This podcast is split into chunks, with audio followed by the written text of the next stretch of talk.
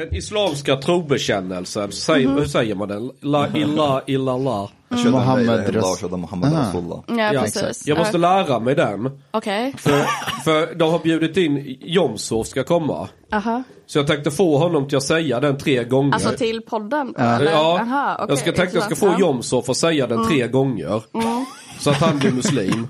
Jag tycker det är en jättebra sak. Det är min plan. Jag är pro det Så jag ska ha en lapp så här Jomshof. Ska vi testa dina arabiska kunskaper?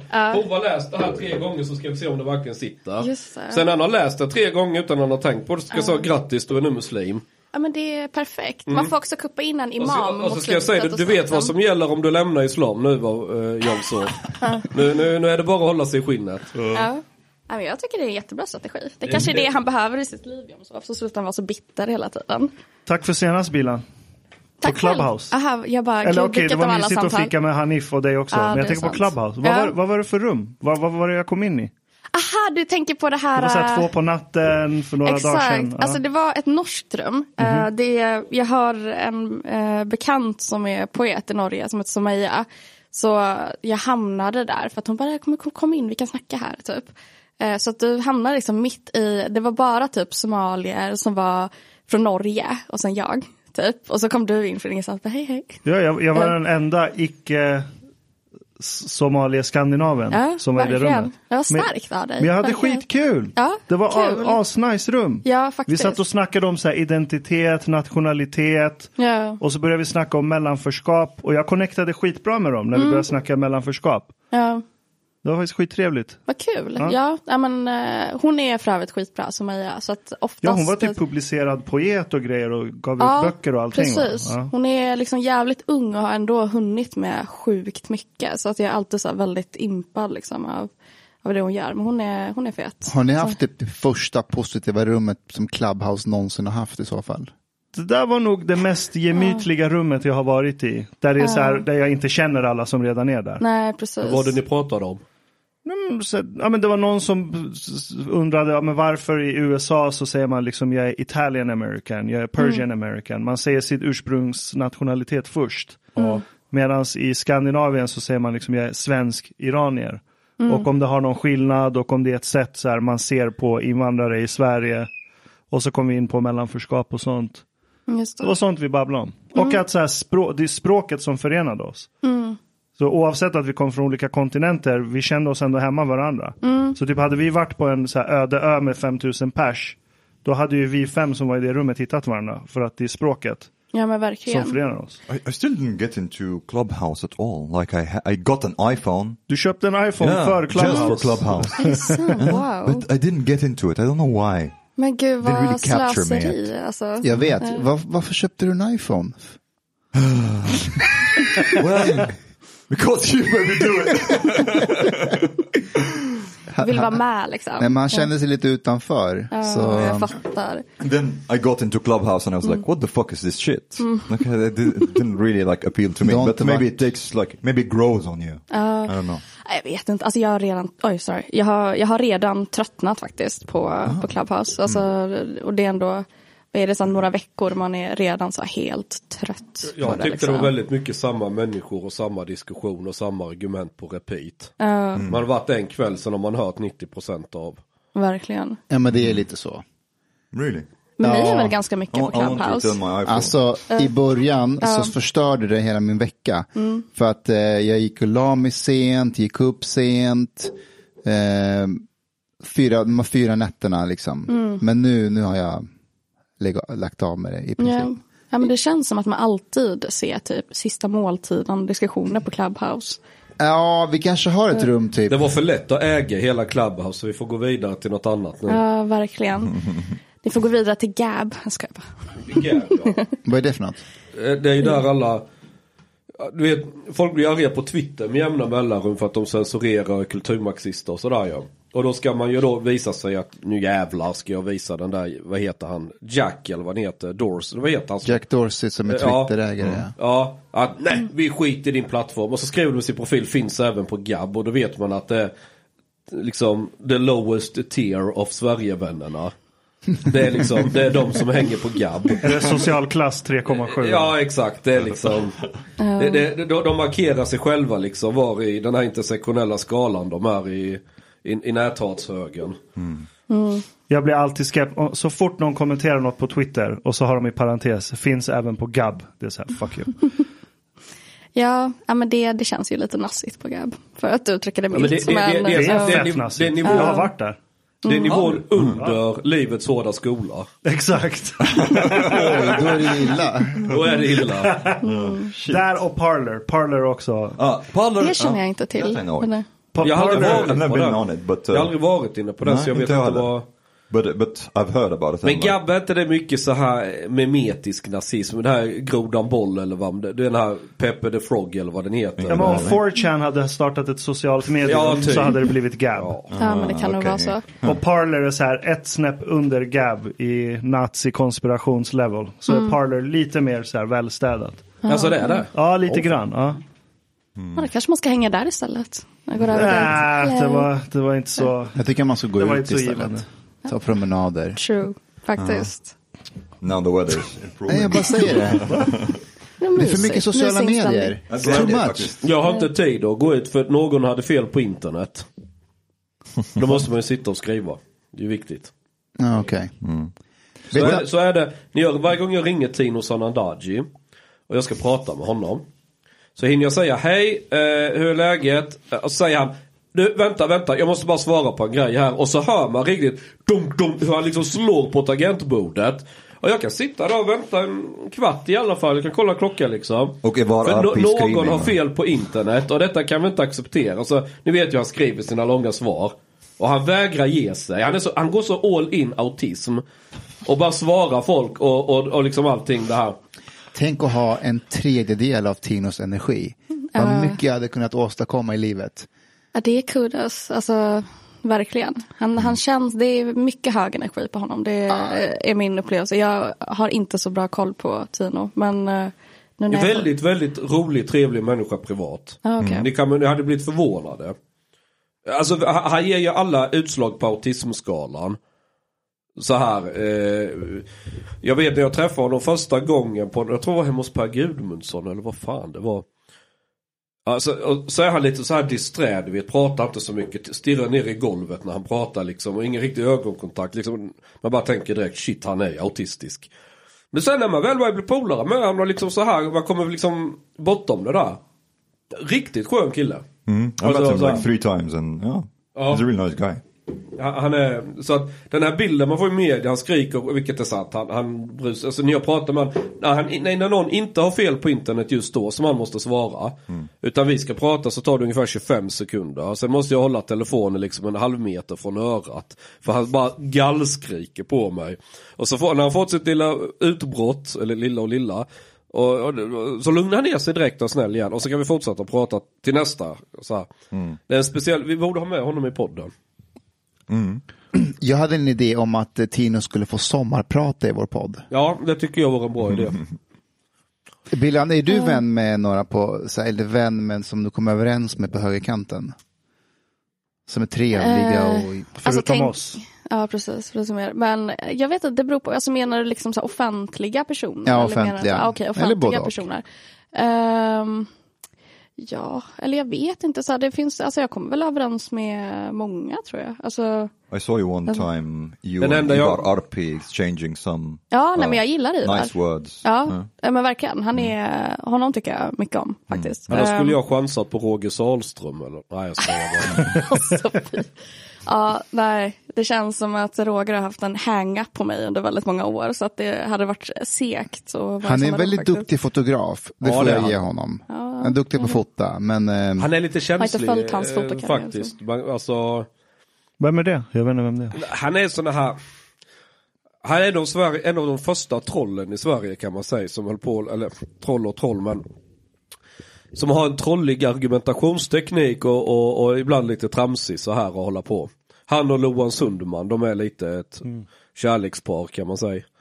De är samma skrot och ko. På olika sidor av Men det är spektrum. de ju inte. Alltså det är ju verkligen dag och natt där kan jag tycka. Ja det vet i fan. jo, men Alltså jag, jag, Som jag ser det så tycker jag de är väldigt lika i, när de gnabbas. Fast de är på två olika sidor ju. Ja, de är på två helt olika sidor i debatten. Ja men det fattar jag. Men Roger, alltså Roger känns äh, snäppet, alltså han är, han ger sig aldrig liksom. Nej, han, han kan dra iväg och så här riktiga tramspiruetter. Och sen tillbaka till on topic i någon mån. Inte för att han håller någon god ton, men jag vet inte. Ah, Okej, strunt samma. Ja. Finns det ingen annan vi kan prata skit om? Varför kommer du överens med Arpi? Nej, men jag, alltså, jag har inte pratat så mycket med honom men vi har väl sett, alltså någon gång har vi hamnat i någon slags, alltså jag tycker han är väldigt rolig liksom. Eh, han har ju bra humor. Och eh, ja, jag vet inte. Var inte, du, var inte du på någon så här delegation för några år sedan? Och så råkade du träffa Mustafa där. Jag skulle precis säga det, vi har ju varit i London tillsammans. Exakt. Ja, eh, ni vet eh, Ahmadiyya-muslimerna, eller församlingen. Ah, jag kommer ihåg att du... Det är ju en grenen med islam, de är rätt hatade av andra muslimer får man då säga. Eller Vad vad är Ahmadiyya? Det är en församling, eller det är en, det är en gren inom islam. Eh, Du kanske vet bättre, Bilan? Alltså jag har inte jättebra koll men om, jag tror att så här, det där Ahmadiyya sticker ut lite är att så här, de eh, fortfarande har men, lite som en kalif typ eller så en ledare. Or Ehm, someone like that, uh, a bit like a prophet.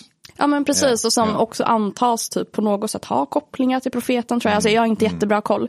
Ehm, Things which are considered blasphemous by, by I would say the majority of Muslims. Ja, och de, de har, jag tror att det är typ, är det 100-200 miljoner anhängare i världen eller något sånt där? de är stora men De det är är- också väldigt så här geografiskt bundet som jag Just förstått Well, actually, att det är- maybe maybe like Är det in typ- number they can be large, but in percentage they are very small. Precis. Eh, Om, Percentage om jag det rätt, det är typ pingstvännerna inom islam.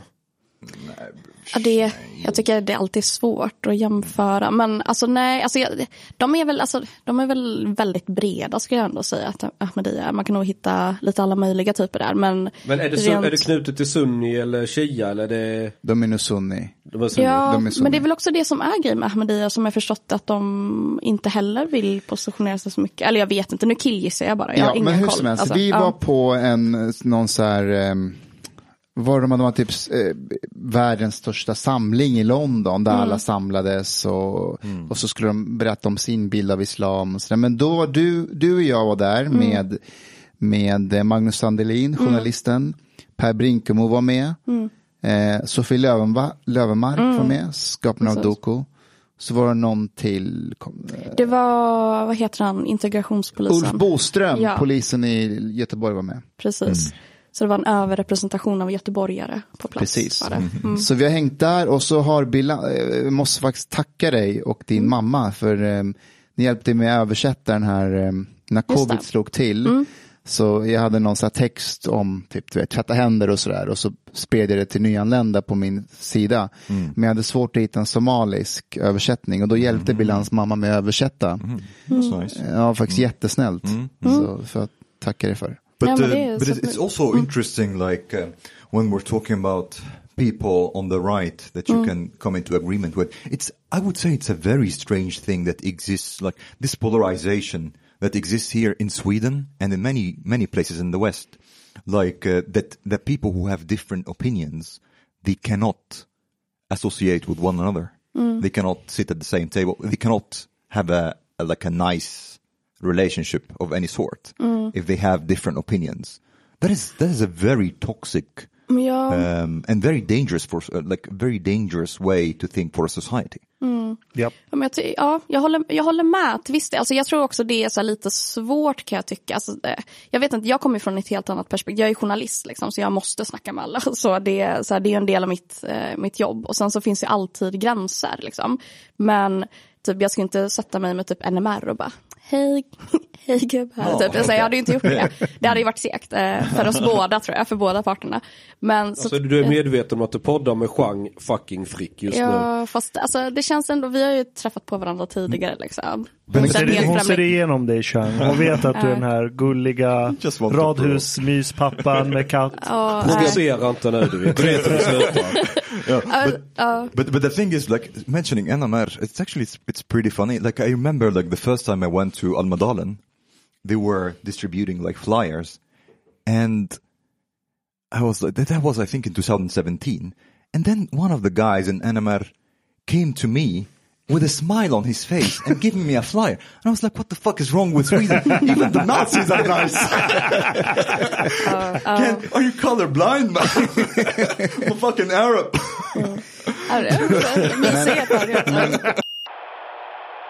Billan, kan du få, alltså jag tänker så här, vilken position ändå du är i. Kan någon i de sammanhang du hänger i eh, säga så här, vad, vad gör du med Chang Frick eller vad gör du i sista måltiden och vad sitter du med den personen? Kan du få sådana kommentarer? Alltså ja, det, men det har säkert hänt. Men alltså, jag får inte det så ofta heller. Liksom. och, och, jag, och jag vet inte riktigt vad det beror på. så. Men jag tror också så här, alltså jag känner mig ganska liksom, trygg i vad jag tycker och tänker. Och, så här, och jag tänker att det, det behöver inte förändras för att jag liksom, sitter i Eh, sen var det ju en del, alltså inför den här podden som jag också så här, tog upp typ, eh, jag visste ju inte, jag, hade, inte- jag tyckte att ni var lite otydliga i vilka det är som har podden, så att jag fattade inte riktigt. Men det är, det är en Eh, kommunistisk podd. Ja, den ägs av alla. Den ägs av alla, det är sant. Ja, ja, men, eh, Det vet du väl att jag alltid Du äger podden nu bara så du vet. Nice. Tack. Jag vet inte om jag kan är stå för det. nu. Jag tar avstånd. Så nu, nu, men- nu måste du ta, ta, ta ett visst ansvar för allt jag säger. Ja, precis. but, but maybe maybe we should like actually start like uh, always with a disclaimer. Something like Chang Ja. Frick är också med i, i Det- gruppen. Det får vara er kontinuerliga jag tar avstånd från allt Chang säger och för, fördömer allt Chang säger. Det är den nya trosbekännelsen. nej, nej. Ja. Istället för la illa la, du vet, det här så ska det vara yeah, den yeah. här. That's a disclaimer. Um, So, uh, and, and I, I condemn it before he says it, during, while he's saying it, and after he's saying it. But not just that. I, I, actually, Chang, I condemn everything that you think about, Yes, even good. if you don't express it. Yes. Even if you haven't thought about Even it you yet. ha- before you thought about it, I condemn it. Men, men vänta, vänta, Billan. Du, du sa att, eh, hade du pratat med, med några om, om att du skulle vara med här? Nej, nej, nej, Nej, nej. det har jag inte gjort. Eh, eller så här, ja men kanske så här, eh, typ folkens närhet så. Men, eh, nej men för det var ju lite av en diskussion. För att så här, att jag, jag har inget emot Chang som person. Liksom. Tycker du är jättetrevlig. Eh, Nu men, sabbar du mitt varumärke, men okej, fortsätt. nej, men jag har aldrig haft något emot det. Men det, men det, det är också det här liksom svåra kan jag tycka. Eh, och det är väl lite det så här, eh, som jag tänker, det är så viktigt att hålla de här olika tankarna i huvudet samtidigt. i att så här, Jag tror inte alls på så här, kumbaya, alla måste snacka. Så här, jag tror inte på det. Det är inte jag liksom. eh, jag tycker? Nej, men jag tycker det är inte det är så omöjligt. viktigt. Nej, men precis, och jag tycker inte heller det är viktigt. Alltså, så här, jag, så här, jag, jag tycker att man, man behöver inte snacka med alla. Liksom. Eh, sen kan man ju tycka att vissa människor är intressanta liksom, och har saker att säga. Och då har ju jag eh, liksom, ett eget intresse av att snacka med de människorna.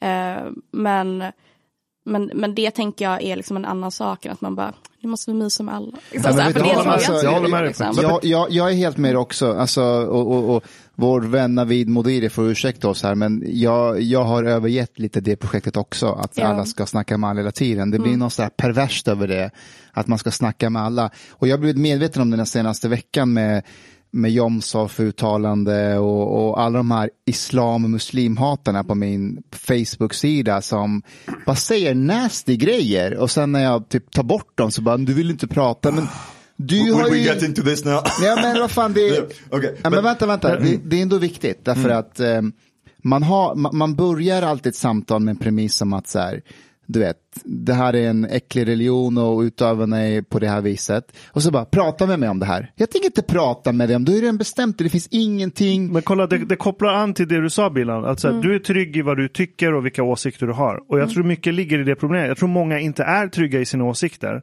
Så de letar efter vad någon annan har sagt och så försöker de plocka på sig det. Och så bygger de upp hela sin identitet kring sina politiska åsikter. Oh. Medan det är så sjukt mycket andra saker. Så jag menar, och sen så här, höger vänster, typ du och jag, vi håller med varandra om rätt många saker som, är, som transcenderar höger och vänster. Eh, typ så här sexarbete, narkotikapolitik, sådana här grejer. Så va- varför ska det ha en så här vänster och högerprägel? Det vi inte håller med oss varandra om kanske mest, det är typ så här skattepolitik. Ska det vara grund för om jag kan här, gilla och hänga med en människa eller inte? Hur, vilken procentsats du vill Du, ha du på menar inte att du umgås med sossar? Jo, Va? jag umgås med sossar. No, but okay, I, I think I think there there are like several Jag aspects. umgås here. med dig.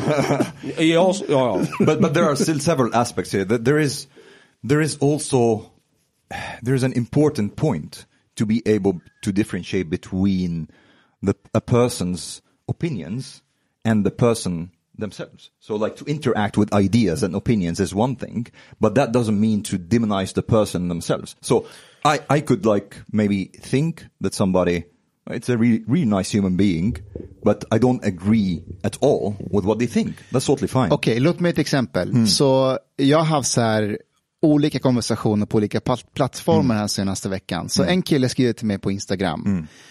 För jag hånade Jomshof och Björn Söder för deras uttalande att de fegar ur. De står inte vid det de säger, de fegar alltid ur när de, ställ, när de ställs mot väggen. Då är en kille som skriver till mig, eh, så här, verkar vara lite trevlig och så, och så avslutar han med så här, men du, handlar det inte islam i slutändan om att man vill försvara en pedofil? Och då blir jag så här, varför, så här ska Vem- jag vem sa det? Vem var det som Någon sa? kille på Instagram. Så. Då blir jag så här, jag vill inte prata med dig. Eh, Well, you, yeah, you don't have to. Jo, jag But- förstår, men jag menar att där, där, är, där är samtalet över. Så här, Det finns inget mer samtal. Jag, jag, jag tycker inte om dig som person eller dina idéer och vi kommer inte vinna någonting om, om, av det här samtalet. Så fuck off. jag håller Yeah, I med. understand Verkligen. what what you mean. Um, but at the same time, I think how to say this because a person who maybe expresses the the like for example, you know, I don't like Islam. But Jag vet, men jag känner, men jag Ja. känner dig. Jag känner dig. Uh, and we don't have a problem there. Um, but it would be like strange if one says like, oh, well, he doesn't like Islam. That means that I cannot talk to that person. that is a bit weird, I think. Men Fast jag, med dig är det ganska tydligt att du skiljer på islam och muslimer. Du, och grejen är, du är en av de Jag få människorna som jag känner som faktiskt skiljer på islam och muslimer.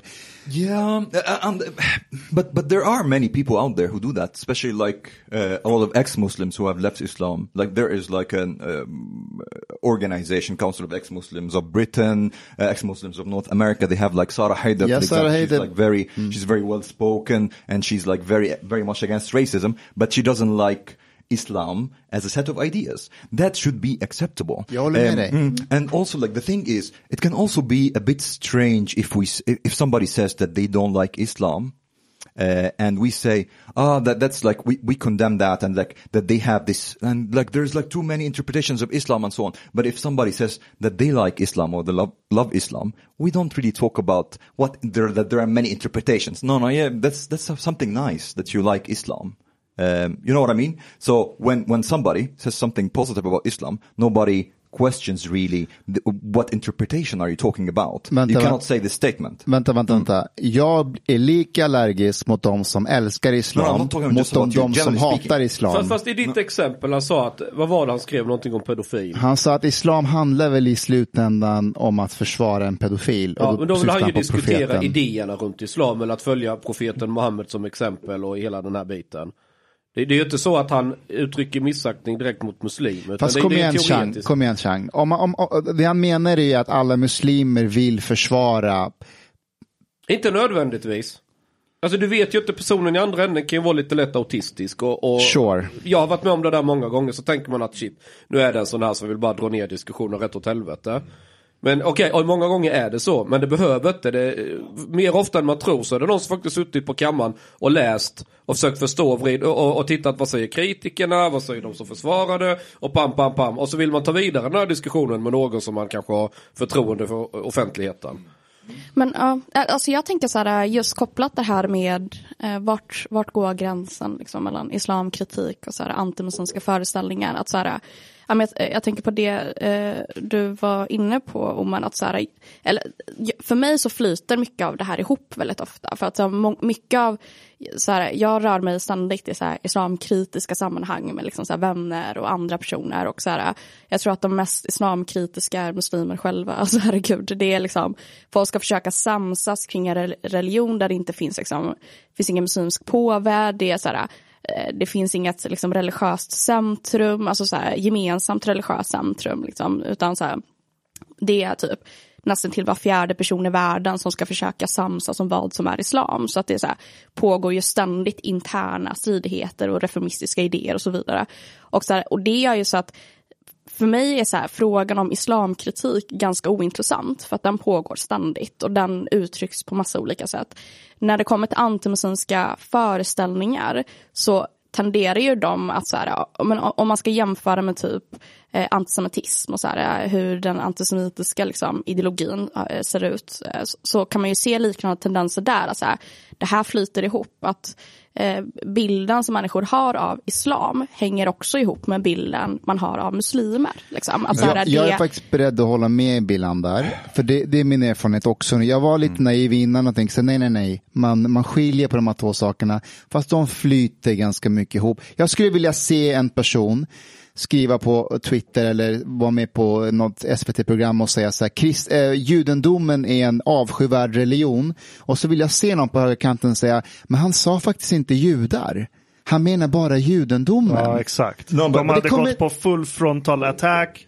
Okay. Och så här, hashtag ut Exakt. direkt. But, but, but direkt. Two, two wrongs does not make a right still. I, I would, okay. Okay, men om, Omar, Omar, Omar, vänta, wait, wait, wait. Just, just a second, just a second. We, we, we had this, this conversation, a hundred people who listen to the pods are probably like tired of this uh, by this time. But anyways, for me, th there is still, there is still uh, a core in the religion that can, that is problematic. Uh, and there is like, for, for example, to say that there is so many, if, if we take, uh, the four schools of Sunni jurisprudence, for example, they are like basically in agreement on like most things with some variations. For example, the four schools, they say people who leave Islam should be killed. Yeah. One of these schools that is more like lenient says, uh, we will not kill women who leave Islam and uh, we will ask we will ask uh, the person who has left Islam to repent for uh, I can't remember three times or three days, something like that. And if they repent, it's okay. If they don't, we kill him. Yeah, there is like a lot of things in the Quran, for example, that the, the man has a right to beat his wife. You can say, you can say, yeah, but a lot of Muslims, they, they don't like, um, uh, follow this. And I agree. I agree. But that verse exists in a book that has an interpretation. It is like in Arabic. It means the man should beat his disobedient wife. You cannot tell me that because it has like some special status, because of that, I cannot criticize uh, a misogynist uh, verse. This this is just strange. If this was if this if this book was like if you remove the holiness out of this book, this is a misogynist statement. Men jag, that, that should jag. Med mm -hmm. But but that's the thing. Like and also there there is it's very easy to get a lot of Christians to to like condemn parts of the Bible. Like I have like friends here or Christian, like for example, they say, no, no, this part of the Bible. They don't try to reinterpret. They say this part is bullshit. I don't believe in it. This is wrong. It's very difficult to get like like a significant uh, minority of Muslims to look at the at the Quran and not to try to reinterpret the verse to actually condemn it and say no this verse this verse is wrong uh, this I don't agree with. I will not try to like, you know, instead of saying the man should beat his, his disobedient wife, I actually have the interpretation that the, the man should kiss his disobedient wife while it's fucking written that it should beat. Yeah? Uh, and then that guy would have like the more progressive interpretation. Why can't we just like have an honest conversation about that. Men det, men det är nog här jag tror att vi kanske inte möts, för att jag upplever ju att det här pågår ständigt. liksom. alltså, så här, jag upplever mm. ju att de här diskussionerna om så här, texter mm. och liksom, och för mig är inte det här en fråga om att så här, eh, liksom, tolka om eller någonting, utan så här, det är en fråga om någonting som är väldigt liksom, eh, centralt för mm. islam, mm. vilket är att så här, det är en av världens mest reformistiska religioner för att det finns ingen muslimsk påve. det finns inget liksom, större centrum.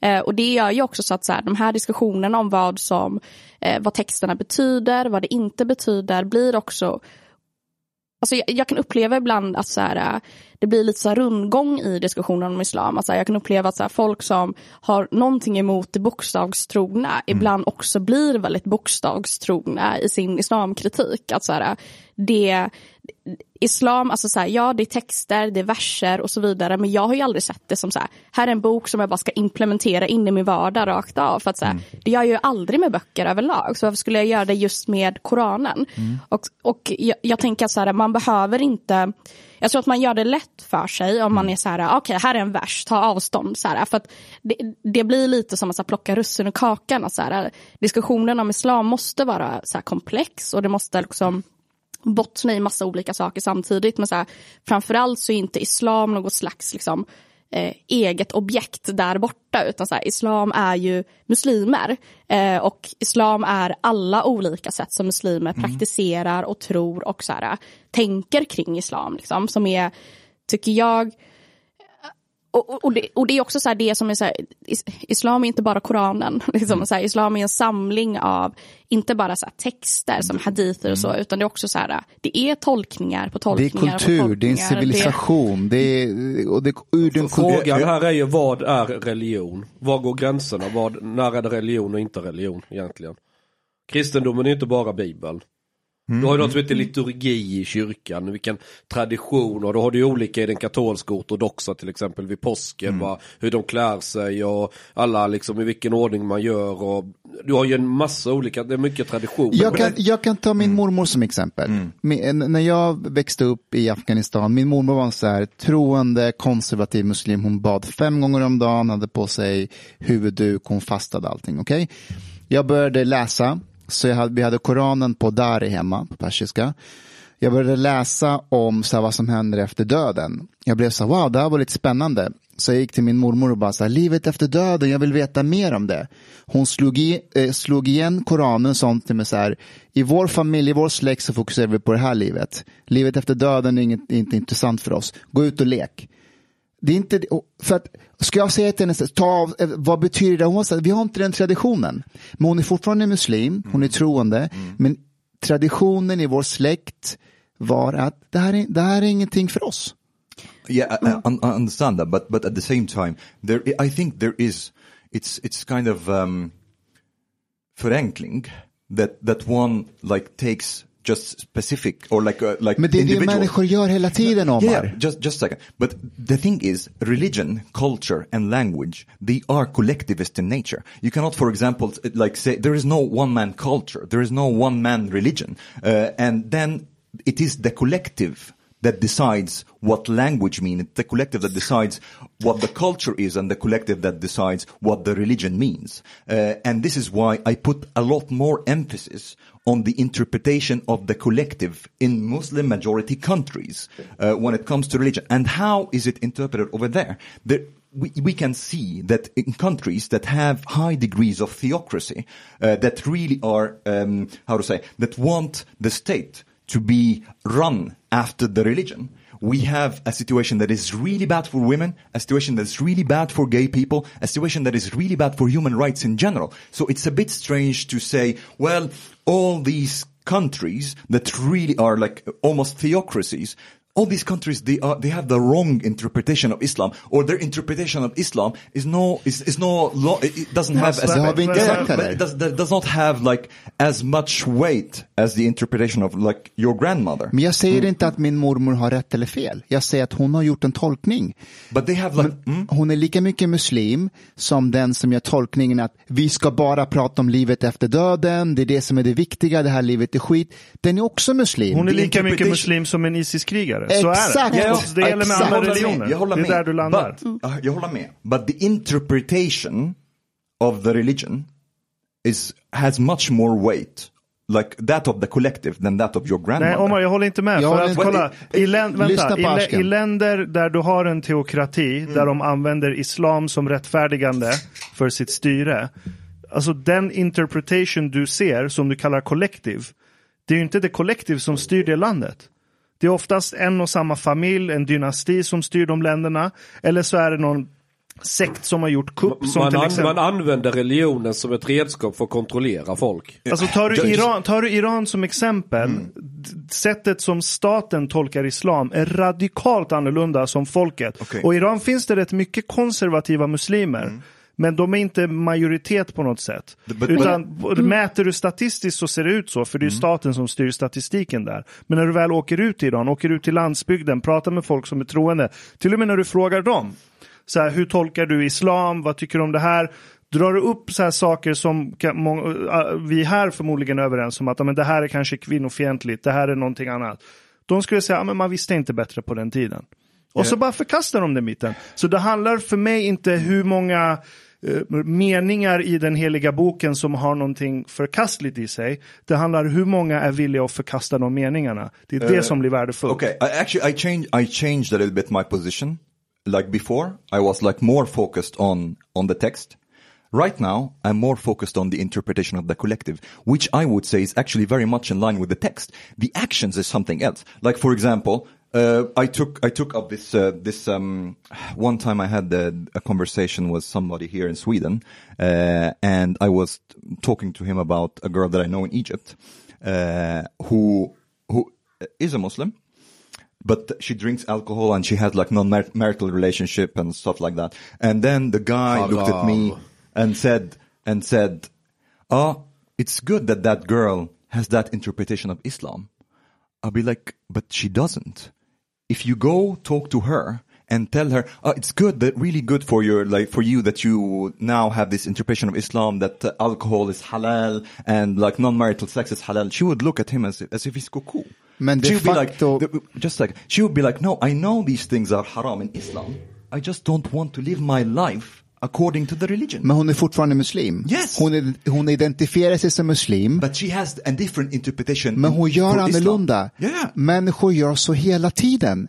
Men Jag tänker så här, finns det inte risk också ibland att, eller så här, nu var det lite olika trådar här, men jag tänker delvis på ehm, när man stirrar sig blint liksom på teokratier, alltså så här, finns det inte också risk ibland på att det blir, att det faller tillbaka på det här om så här, vad är islam, som att islam bara kan vara en sak, liksom att, att i de länder där många är muslimer men som, om vi tar ett land som Bosnien där liksom folk dricker sprit och det är en del av kulturen men det är också liksom ett muslimskt land och där islam spelar en väldigt viktig roll också för, eh, för människorna som bor där. Men då är det så här, nej men det här är inte islam men Iran är islam. Alltså så här att det finns, det finns någonstans, eh, kan jag tycka, någonting eh, diffust i det också. För att så här, islam är ju båda de här sakerna samtidigt. Och jag kan också säga samtidigt, Ehm, jag upplever ibland att diskussionen om islam också är utifrån så här, väldigt postkristen blick. Alltså vi diskuterar frågor om text, vi diskuterar frågor om vad islam är, hur islam utformas och så vidare. Med en slags kristen lins. Liksom. Att så här, ehm, ja, men, att, att islam är på något sätt ungefär som så här, äh, kristendomen har varit historiskt, där liksom den stora maktstriden har varit så här, ska, ska liksom makten gå till kyrkan eller till individen? Är det upp till individen att tolka liksom, skrifterna eller är det kyrkans makt att göra det? Och så hela Martin Luther-grejen. Alltså, här, jag upplever ibland att så här, äh, det är som att vi tar på oss de glasögonen när vi diskuterar en helt annan kontext. Och så här, äh, om man plockar bort det så får vi också helt andra samtal om vad islam är. Eh, som, som blir lite mer komplicerade och svåra och jag har inga svar liksom. Men så här, det, det, är- det är för mig så här, jag, jag tror att jag någonstans också bottnat lite i att så här, vi kommer kunna ha, alltså diskussionen om så här, vad islam är och inte är kommer att bli evighetslång just för att det är islam. Liksom. Eller så fattar du vad jag menar? Vi kommer ingen vart. Ska vi No, lämna but, den? Vi lämnar den. Just, just. Ja, det var Ja, inte, illa- jag menade illa- inte att vi illa- behövde lämna jag det, men jag menade... jag menar. a last thing just before we, um, speaking of the Balkans, they actually have uh, a much lower degree of religious conservatism. So the degree of religious conservatism actually plays a big role. Uh, and there is, there are movements in, in, in the Middle East that are more secular and more progressive and like people who criticize and leave Islam that, uh, that religious fundamentals and religion in general uh, is standing as an obstacle for these people. Ja. Okay, we can, we can Kan vi inte lämna islam och så Yeah, fokuserar You're vi på, brought it up. vi, and you know I'm fokus, here. vi fokuserar på, på rasism istället. Det är mycket roligare. Inshallah. Ingen pratar om rasism i Sverige och väst. Vi, vi Nej. pratar om det. Bilan, Ja. I want to ask you a question. Yes, shoot.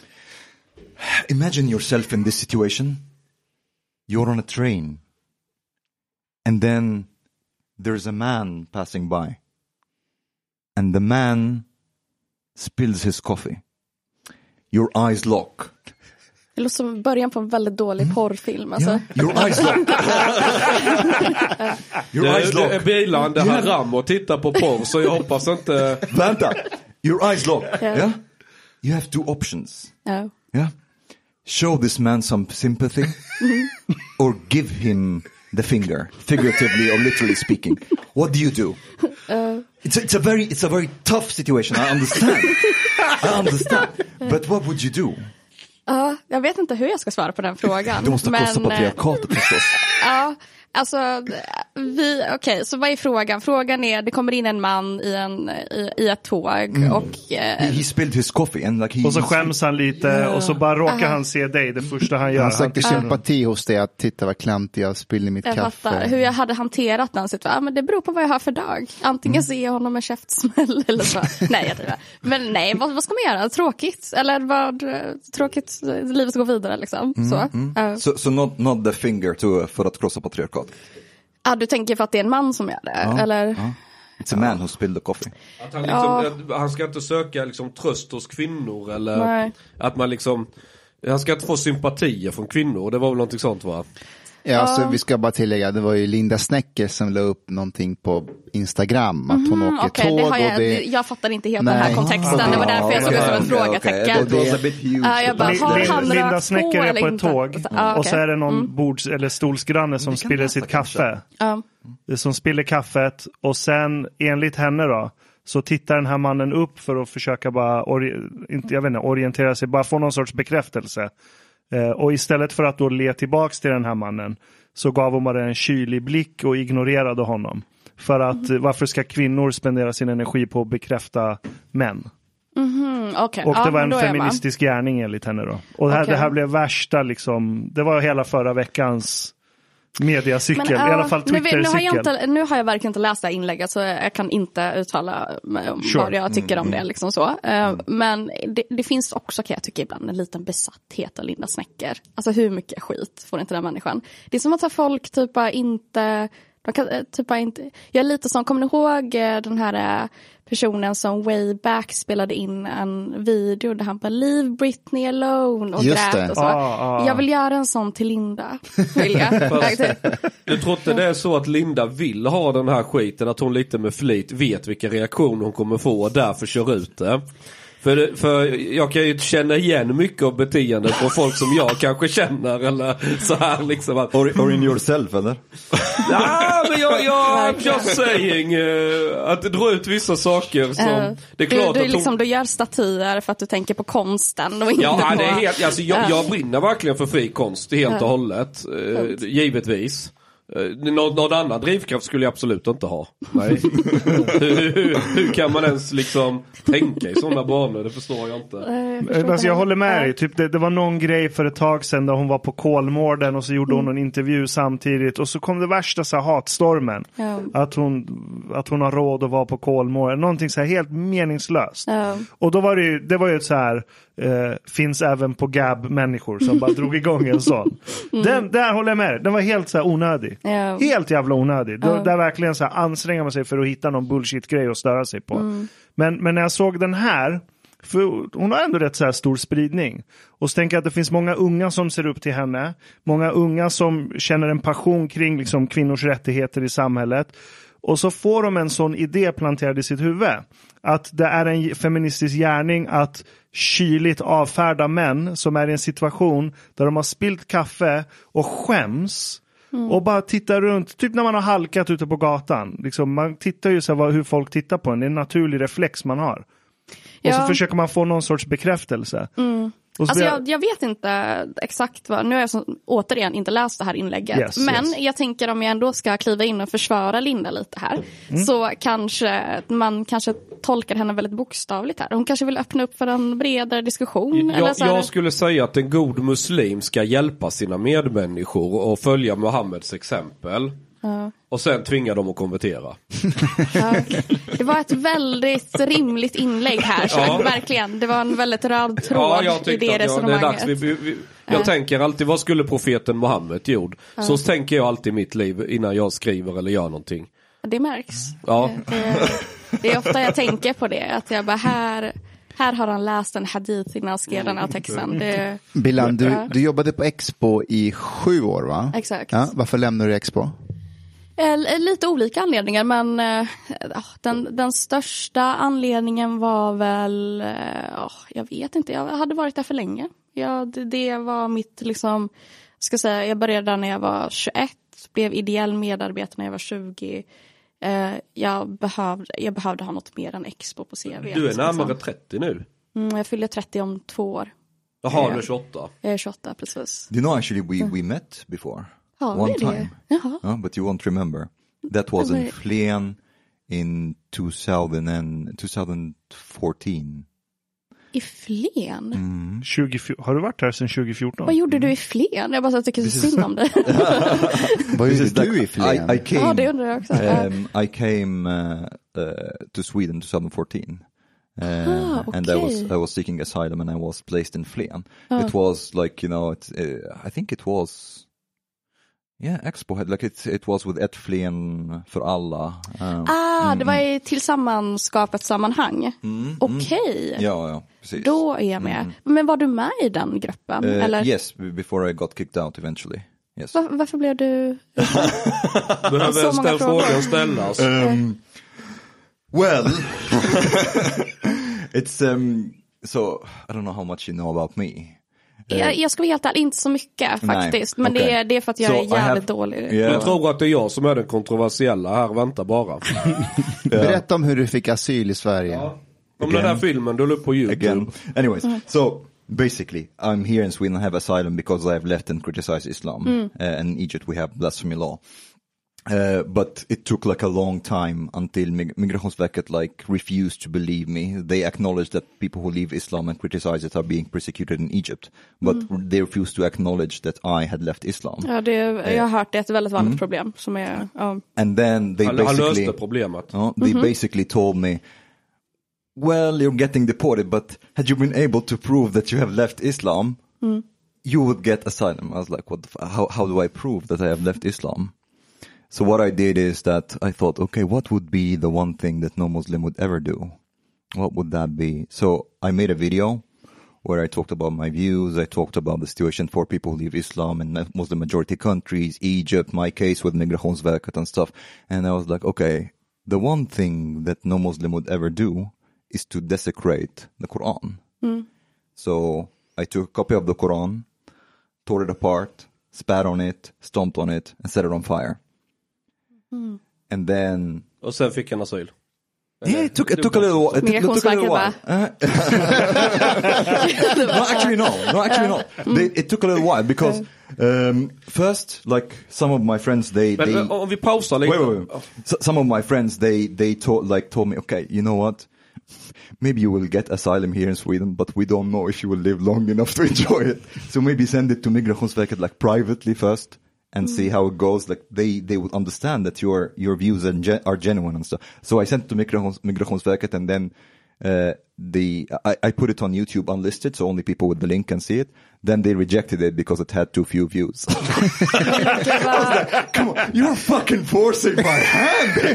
Hade du gått like ut gjort något superspektakulärt. en grej här, en grej här. En, en- en grej jag bara funderar på. Du sa att du måste göra något som ingen muslim skulle ha gjort. Men jag menar, äta griskött, det, det funkar inte. Well, there are Muslims who eat pork and drink Ganska alcohol. många. So, so, so Jag menar, äta gris, dricka sprit. No, no, no. Det gör på en dålig lördag. Men Liksom. Omar, fattar du nu hur ryggradslös en religion eller religioner kan vara och också utövarna till den? Griskött får man inte äta, det är alla överens om. are we getting there again? Nej, men jag säger det bara, jag säger det bara. Well, Människor, yes, but but there's a difference. But this this is what I was trying to say. A lot of these people still think alcohol, for example, is haram. They just don't want their their life, their daily life, to be dictated by religion. Okej, That is the vä- only paus. Fortsätt. Okej, du får Anyways. asylum, expo, du blev kicked out. Uh, yes, from from uh, Tillsammans i Flen, uh, because of that. för att du brände Koranen. Yes. Aha. Hur motiverar de att de inte vill ha det där? Well, doesn't need much. man. You burn the Koran. it's too holy. Anyways, um, Men det kan ju, alltså, nu, nu vet jag inte exakt vad det här handlade om, men eh, för att återigen gå in i ett försvar här. Men jag tänker att så här, det också handlar om så här, tillsammanskapet som projekt handlar det ju också väldigt mycket om att så här, försöka liksom förena, skapa liksom engagemang i lokalsamhället och så. Um, att utan att veta exakt hur de resonerar den stunden eller den här situationen så tänker jag att det kan ha spelat roll. Liksom, I att så här, det, det kan bygga liksom, friktioner, jag vet inte. Okay, liksom, but but, but, Ja. but to defend them also, to, to be honest, also they this has it, it was a division within the group there. So there there there were members who said no, come on, Omar, he's like our friend, he's with us, blah blah Jag blah tycker det är lite kul att någonting heter tillsammanskapet och så kommer Omar och skapar en splittring där. Alltså jag är bara mest, förlåt, jag måste bara fråga, för det här har jag tänkt på ganska mycket. Om vi bortser från det här med spottandet och så. Men alltså för att eh, jag vet ju att så här, enligt många tolkningar så är ju om man ska göra sig av med Koranen, liksom, om man hamnar i en sån situation där man måste liksom, förstöra Koranen på något sätt. Eh, så vet jag att det är många liksom, religiösa lärda som säger att det, är det bästa sättet att göra det, det är att bränna upp Koranen. That's actually Eh, true. Ja, så jag har alltid undrat, liksom, de som vill protestera, är det, är det någon så här, eh, kognitiv dissonans i det? Eller så, vad? No, I, will say what, what I what, what I think about is it's uh, it's more the intention of doing that. So, for example, when when we at, at home when we needed to like I don't know th- there was a torn part of the Quran or something and we had to like get rid of it, we we needed to burn it. You cannot like put it in the trash, you know. Nej, precis. Uh, Just det. yeah, but, but jag, jag måste bara fråga en sak. Jag såg att bilen stoppade in en snus. Är inte det haram?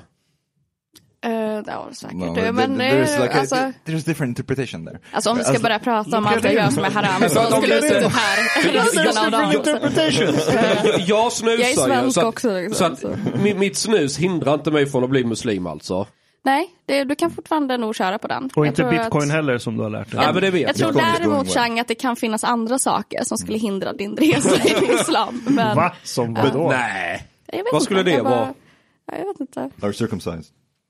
Nej. Men Är det går inte. inte? Uh, then then you're out. Nej, faktiskt inte. Okay. Well, Du kan ju inte säga att du är jude. Om jag säger att jag är jude, Z-ordet. Eller rom eller vad jag nu ska kalla det. Mustafa, you look very cranked. Jag trodde vi alla var omskurna i den här podden. Vad var det här? Nu, nu har hela din världsbild rasat. Ja, det har du gjort. Behöver ni en really terapeut upset. för det här? Jag kliver gärna in och samtalar. Hur mår du just nu? But, but anyways, to, to finish like uh, what I was saying about the burning. So the intention is what matters. If the intention is to try to, how to say, to, um, um, to, uh, that you have a negative attitude towards the Quran and you want to desecrate it, then the burning has a different kind of, but, but, but actually I thought about that and this is why I didn't just burn it. I went through all the stages, the spitting, the stomping and the tearing. Fast det riktigt svenska svaret skulle inte vara att elda upp den. Det skulle vara att lämna den till pappersåtervinning och sortera i korrekt kärl så att det blir miljövänligt och ordentligt. Tänker Men jag. eh, okej, eh, du lämnade Expo eh, och Yes. nu är du på ETC. Exakt. Och hur ofta skriver du där? Eh, Jag jobbar ju heltid som nyhetsreporter där, så att jag skriver ja, men texter, vad blir det, Vilka varje ämnen dag. bevakar du? Eh, Alla möjliga. Så att jag, jag skrev, vad var det nu senast, om vapenexport typ. Så det kan vara allt möjligt. Men eftersom att jag såklart är framförallt väldigt intresserad av frågor som har med rasism och eh, framförallt då extremhögern att göra så blir det ju lite, lite sånt också. Liksom. Ska jag berätta om den gången när jag eh, skulle käka lunch med en livslevande nazist? Berätta. Sounds like a promising Han, han story. heter Martin Saxelind och du kanske vet vem han är? Jag känner igen namnet. Bor uppe i Söderhamn. Eh, det var så att det var uppgifter kring en nyhetsstory som jag var nyfiken på och det, det visade sig att att komma åt de här uppgifterna gick delvis via Saxlind och så tänkte jag, ja men skitsamma, jag får ju träffa honom och snacka och se om det ger någonting. Och jag träffade honom då, sa han att, ja men jag bjuder på lunch, sa han. Så kommer vi där till pizzerian i, i Söderhamn och vi ska gå fram så tänkte jag, ah, fan jag betalar skiten. Så tittade han på mig sådär, det var ju tanken att han skulle bjuda, så sa jag liksom så här, ja men vi judar, vi är, kontrollerar ju alla banker, det känns lite fel om jag ska låta dig betala. Det är vi som sitter på alla pengarna och sådär. Ja, han vet ju liksom inte hur han ska reagera, lite småskrattar lite så här, men du vet, det blir lite, han vet ju att jag driver bara ju. Sen när vi satt oss där och käkade pizza och sådär och vi, nej men han var rätt trevlig så alltså det var liksom inget, ingen så här dålig stämning något utan vi snackade lite om ditt och datt och sådär. Så jag men skadade inte det, om, om dina kompisar nu ser det i NMR kommer förbi och så sitter du här och käkar lunch med en jude. Skulle liksom inte det paja din image lite? Nej, jag är en progressiv nazist.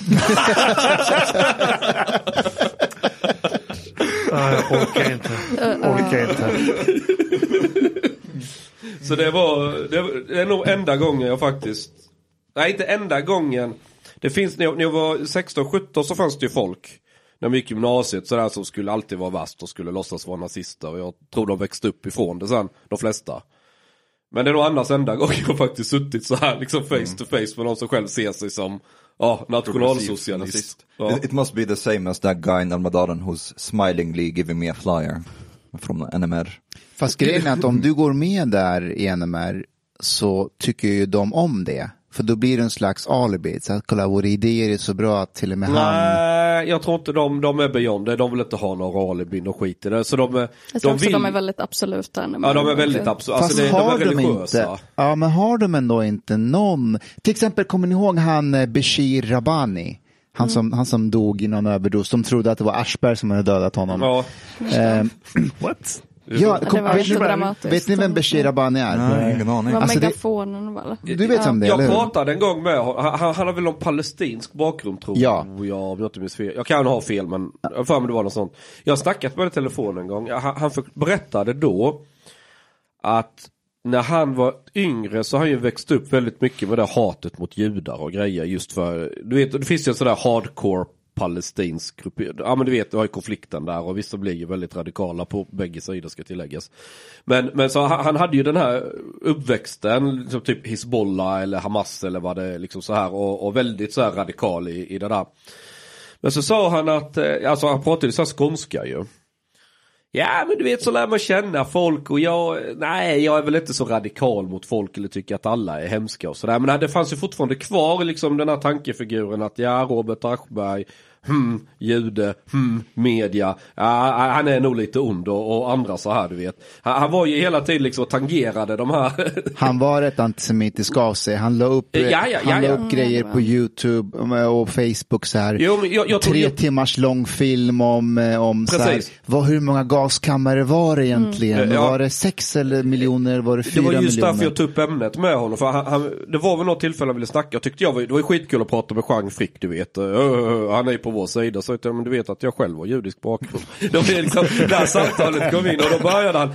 Ja, så jag har faktiskt fler kompisar som faktiskt är judar. Vet, alltså. Men hur som helst, han medverkade ju i NMR-podden vid två tillfällen. Mm. Det var så här tre timmar lång podd. Vad förvånad jag inte är. Ja, exakt. Men det är nog vad, alltså så här, NMR, de har ju också haft människor i demonstrationståget med så här, jag vet att det finns lite så här nassiga iranier typ som Japp. ibland brukar hänga på typ på, på de här tågen. Men jag tror att det är en skillnad mellan det och kunna vara liksom en så aktiv del av NMR. Liksom. Nu vet jag inte, NMR har väl typ inte ens medlemskap, men jag tror att det blir det, det hade nog varit ganska svårt. Liksom. Man ska också Så- tänka på att NMR är lite som bokstavsvänstern. Mikael Skilt som kommer från den här miljön.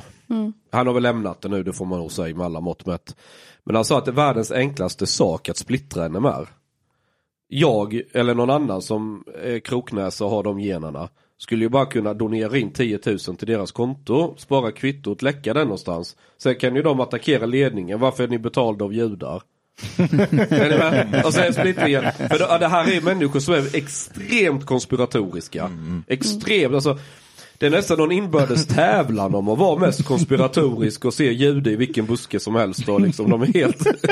Kan vi inte göra det? Kan vi inte donera 10 000 av dina pengar då, Chang? Vilken av What våra pengar? Alltså, Ja, men kom igen, så sparar vi kvittot och så... ja, och sen läcka det att gillar titta här, folk säger så här, du får, liksom, jag, jag orkar inte ge en krona. Men, men så här, försöka inte pusha med. över det. Liksom. No, it's Ja. for a good cause. Jag skulle ju kunna få skit från antirasister. Jean, varför finansierar du nazister? Alltså är ni med? Ja, det, jag det hade är hängt lite, ut det är dig lite direkt. farligt. jag, jag bara, jag hade hängt ut dig direkt. Jag hade inte Eh, tvekat. Fast kolla, kolla det, här, det här blir som religion. Då kommer de tolka om sin nazism och säga titta juden försöker förstöra oss. Ja, jag tror inte de är så... Eh, Så De smarta. är, ju, de är ju salafister. ja, i närmast. Ja. Det, det, Vilken typ av salafist? Ja, okej, förlåt. De bokstavstroende salafister. Då. Men vi har ju... is det salafister som är inte Nej, bokstavstroende? men det Och- finns ju och- salafister som är mer... Progressive eh, salafists. Nej, ja, men det var ju sådana progressiva nazister jag träffade. Ja, exakt. Det finns ju våldsamma salafister och så finns det faktiskt fredliga salafister som bara vill vara i fred och läsa sina haditer. Men Nu är vi inne på Koranen och Islam igen. Det finns en annan rolig sån här eh, grej som dök upp i förundersökningen. Jag tror det var NMR, men han var så här nationalsocialist eller på den kanten. Och satt han i ett polisförhör så frågade polisen. Du, eh, du saknar ett finger på din hand, vad är det som har hänt? Ah, jag vet inte vad jag vill prata om, det står det för. Ja, men alltså kom igen, du kan väl berätta. Va? Var det en olycka? Vad hände? Nej, ah, jag har haft problem med att titta på porr. Och Jag de, här, jag känner till det, det är så hemskt. de, de, de här nazisterna, de är ju så övertygade om att porr är skadligt. Du ska avhålla dig från det. Du ska bara spilla din säd när du är med en tjej eller du vet så här. Helst en arisk och blond såklart. Eh, Men så hade han haft ett återfall och tittat på porr. ja, och, då, och då för att straffa sig själv så hade han gått ut i verkstaden, tagit en yxa eller vad han hade gjort och huggit av sig ett finger. För att disciplinera sig själv. Alltså. Men det, det säger ju någonting om liksom. Dedication, av dedication. Alltså jag har aldrig varit så nära på att ringa upp en nazist och bara vara så här, vill du prata? Jag finns här liksom. Alltså, Det hade kunnat sluta med att dem. hugga av sig ett till finger, du vet. För, du vet. Men du Billan, när du jobbade på Expo, Mm. gjorde du någon granskning av Chang Frick och Nyheter Idag? Jag vet inte om man Varannan gjorde dag. så mycket. Ja, men Expo har beskrivit om uh, både Chang och nyheter idag. Sällan så Ehm, mycket skit som jag trodde att det skulle bli. nej. du har Jag får, väl... jag får du steppa har- upp mitt game. Precis, du har nog varit för lat liksom. Det är väl det. Men eh, nej, alltså jag ska inte ha sagt så mycket. Jag själv har inte skrivit så mycket om det, men jag har ju följt liksom. Eh, då inte, det låter som följt så här, på ett positivt sätt. följt, eh, Tar, Ja. du, följt tar du avstånd från nu? Jag tar absolut avstånd från thoughts. Du är inte ensam. Det gör de flesta i den här podden med jämna mellanrum. Men om, om, om du skulle beskriva Nyheter Idag Mm. för någon som inte är så insatt, hur skulle du beskriva tidningen? Ehm, ja, det beror på. Det är väl, finns nog en, eh, och här får väl du rätta mig Chang, men det finns väl en skillnad eller en så här dissonans kan jag tycka mellan hur nyheter idag beskriver sig själva och hur liksom, det faktiskt ser ut i Ja, praktiken. Expo brukar kalla oss för högerpopulister. Själv säger jag att vi är dödsknarkar, rasist, nazister. Så att där är ju en viss...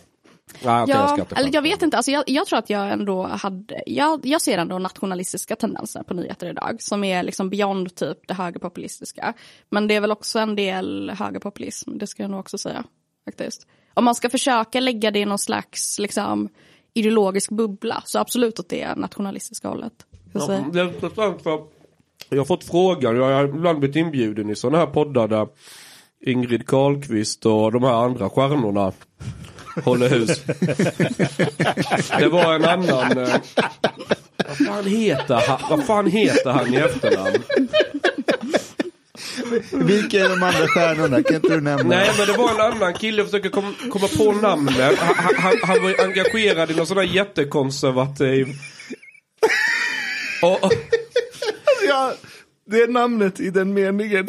Ingrid Carlqvist och de andra stjärnorna. Jag har aldrig hört det Men i alla fall, det var det här gänget eh, som jag, Karlqvist då hängde med. Så frågade han, eh, han, han, vad fan hette han? Vad gör han? Nej, han, han har varit... Är det Runar? Nej, han har varit För Runar är engagerad. också med där, vet ni Nej, det? nej, ja, men, Är det han nej, Daniel Öjryd? nej, nej, är mycket speciell, eh, vad fan. Jag kommer Daniel inte... Lampinen. Nej, nej, nej, nej, nej. Det, det, det här är ändå en så här. Han försöker bli vän med mig på Mig Facebook med! hela Mig tiden. med! Jag vet inte, Han vad fan är skrev, rasist? han skrev till mig och Aron efter att jag var med i Arons dekonstruktiv kritik. Jag tror Lampinen är fejkrasist, jag tror han bara fejkar. Ja, det måste vara konstprojekt slash troll. För Jag han tror det är bara, mer.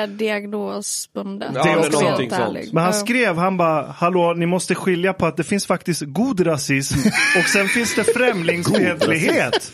Jag vill, inte att de, de, jag vill inte att de andra raserna ska dö, jag menar bara att vi måste bo isär.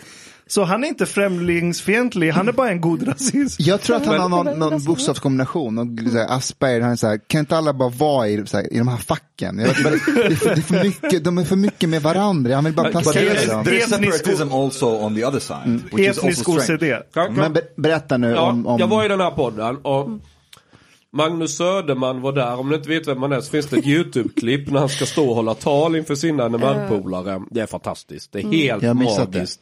Han är väldigt engagerad, Magnus. Han lät lite engagerad där. Vadå? markera det här. Klippa in det. Klipper Ja, du vi in klipper det in det. Okej. Ja, alltså jag, jag kan leta upp det. Jag kan leta, Ja, men vi fixar höra. det sen. Eller okej, Okej, ja, fixa- spela upp det. Ja, spela upp Spela det. upp det för ni, ni måste höra detta. Det här, det här är... Alltså... Känns det för övrigt inte bra kamrater att få stå här i närheten av TV-huset, Filminstitutet, Televisionens högborg. Med andra ord svenskhatets och lögnens högborg.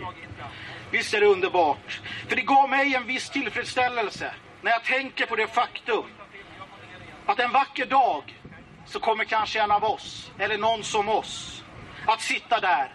Och då, då för en gångs skull, så kommer svenskarna att få ett budskap om nationell stolthet till sig. För detta skall ni asgamar, asgamar till medieråttor inte gör er några andra föreställningar om. Vi kommer att segra och då kommer vi att driva ut lögnarna ur lögnens tempel med både piskor och spikklubbor!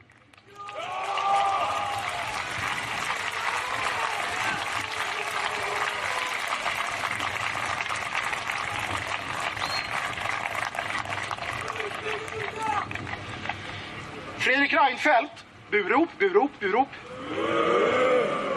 Må ditt namn för evigt vara förbannat. Du hade fräckheten att inför främlingarna i Ronna säga att det ursvenska bara är barbariet. Att allt bra kommit utifrån. Och det är skönt att veta var vi har dig.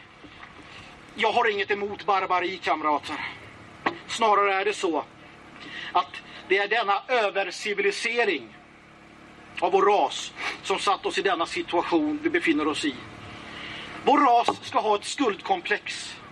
Vi ska vara anständiga och civiliserade. Förstående. Empatiska mot allt allt. Vi ska gå med på att bli förfördelade som svenskar i vår egen nation. Det är nog nu!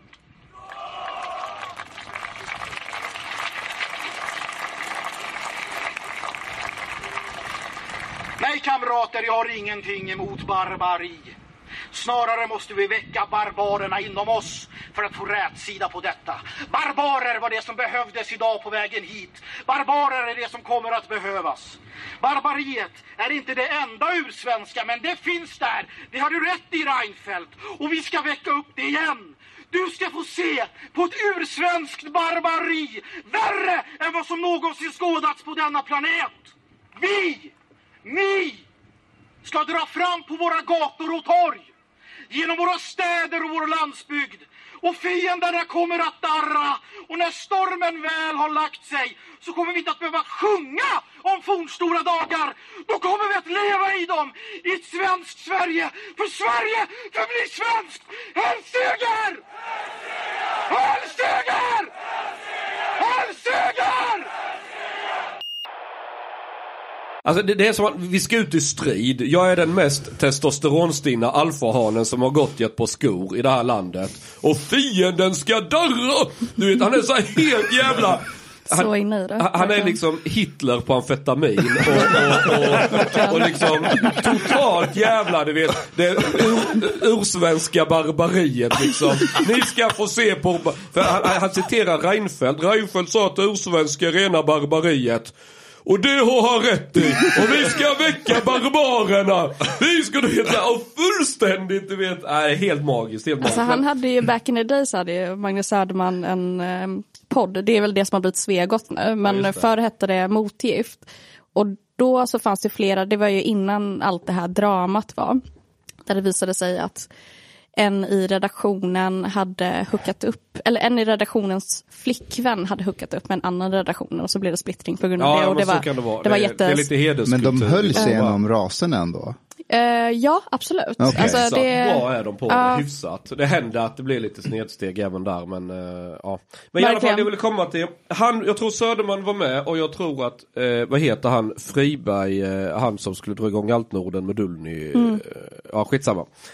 Men, Daniel. men, men det var en kille där, jag kommer inte på hans namn, jag, jag kanske kommer på det sen. Men skitsamma, han var väldigt så här, känslig av sig. Och frågade mig flera gånger, men, men Chang, du, du skriver ju många gånger att du är en klickhora.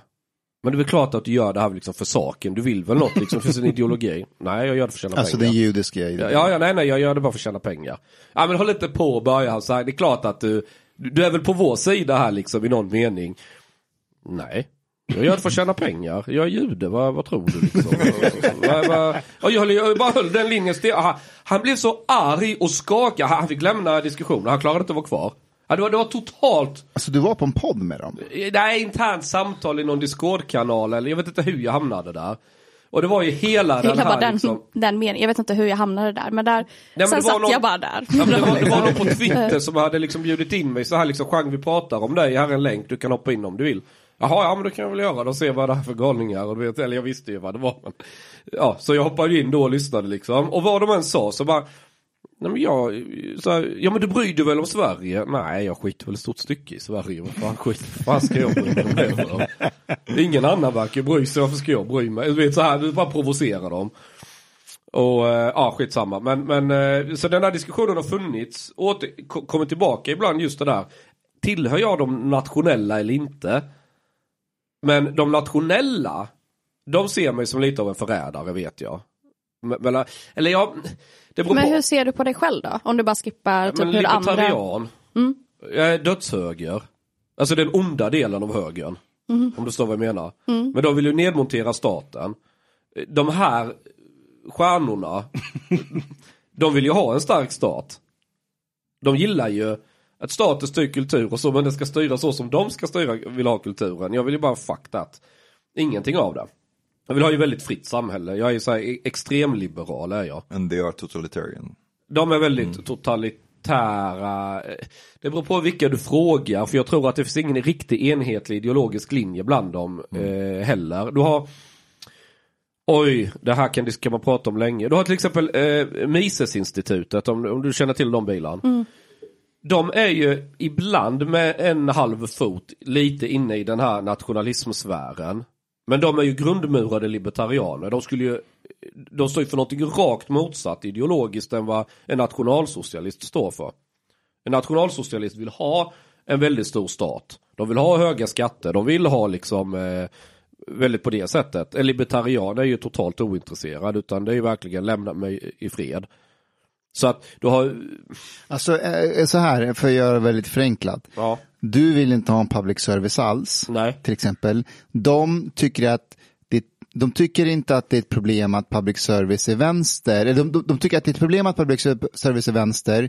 De vill att det ska vara höger.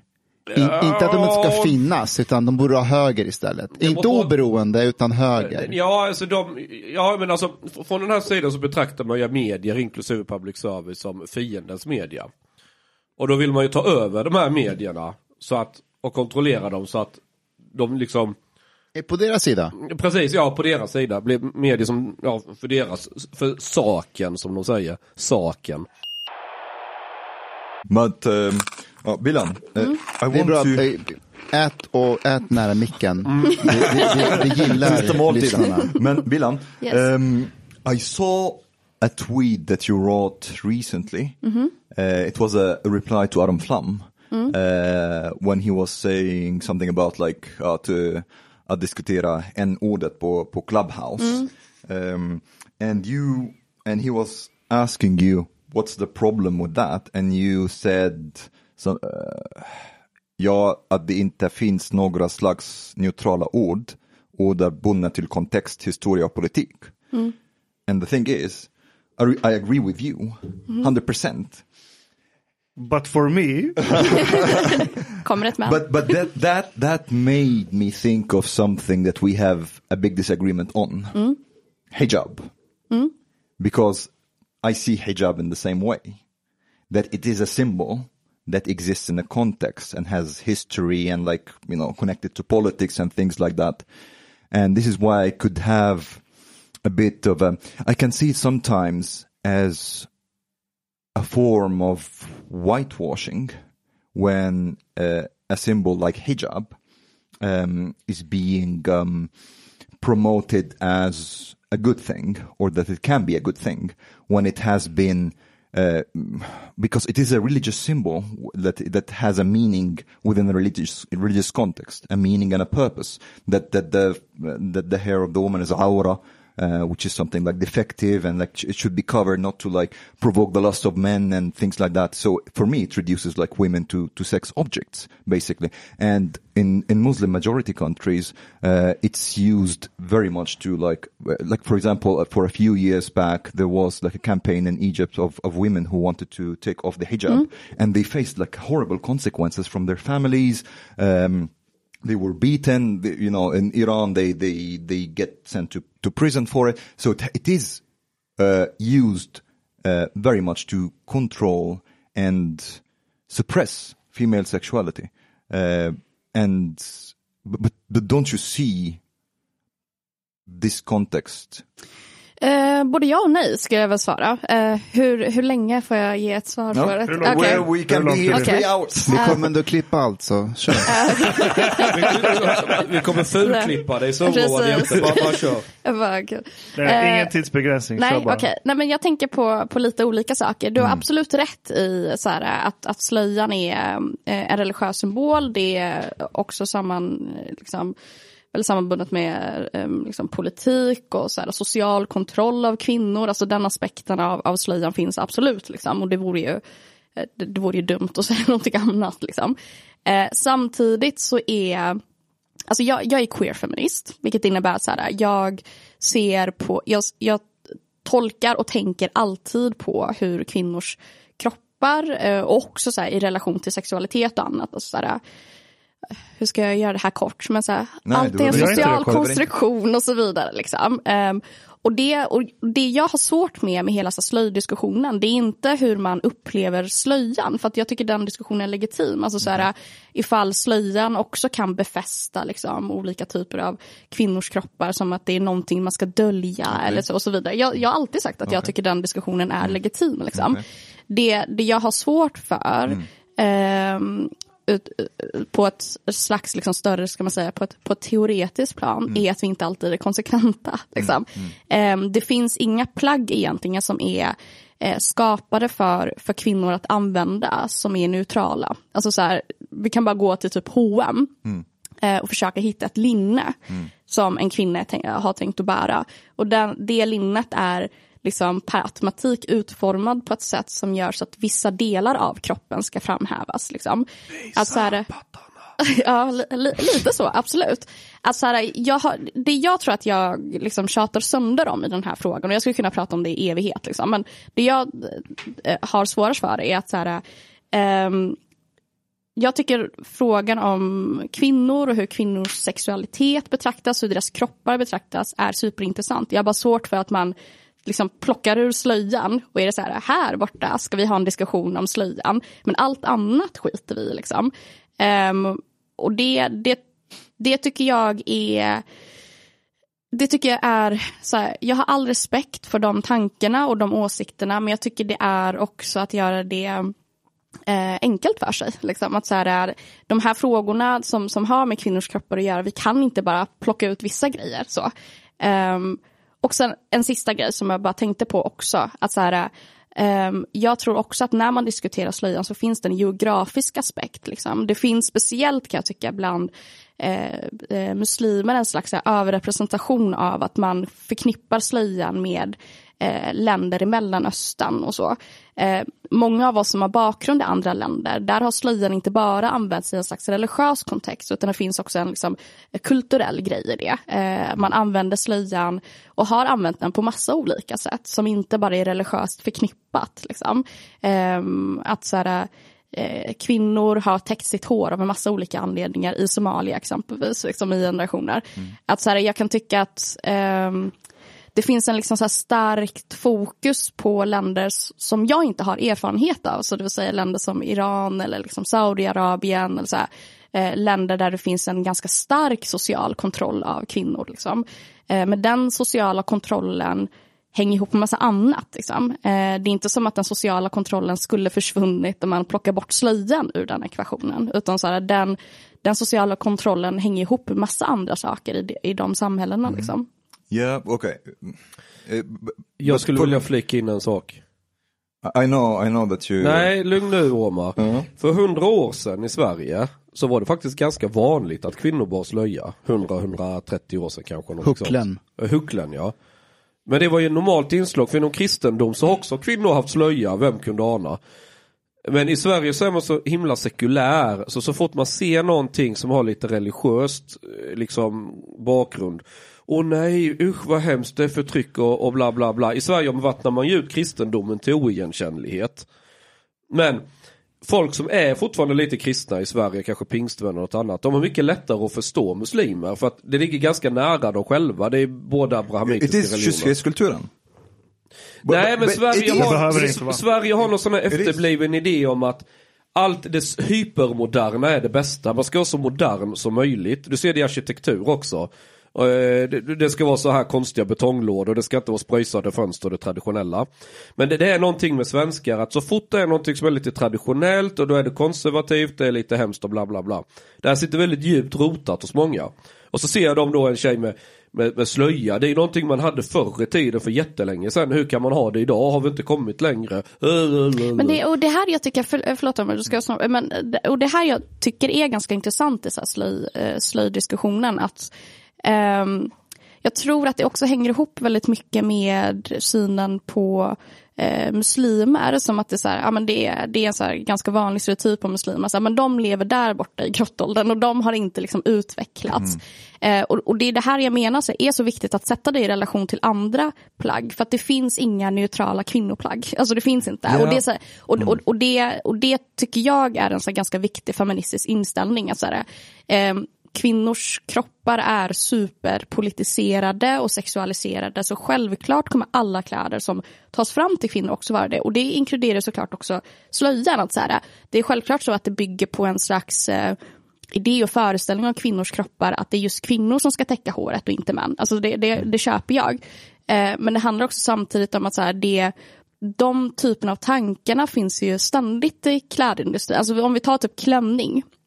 Alltså så här, klänningen bygger också på en slags idé om att så här, eh, ja, men kvinnor ska inte liksom visa sina ben och det är så här väldigt liksom manligt förknippat. Och så här, det är män som ska ha det och så vidare. Samtidigt när vi ser kvinnor ha klänningar eh, i Sverige så är det ingen som är så här, "Nej, men gud det är så sorgligt. Liksom, de har inte utvecklats utan för att där har vi förståelsen av att så här, plagg utvecklas och är bundna till den sociala kontext som man lever i idag.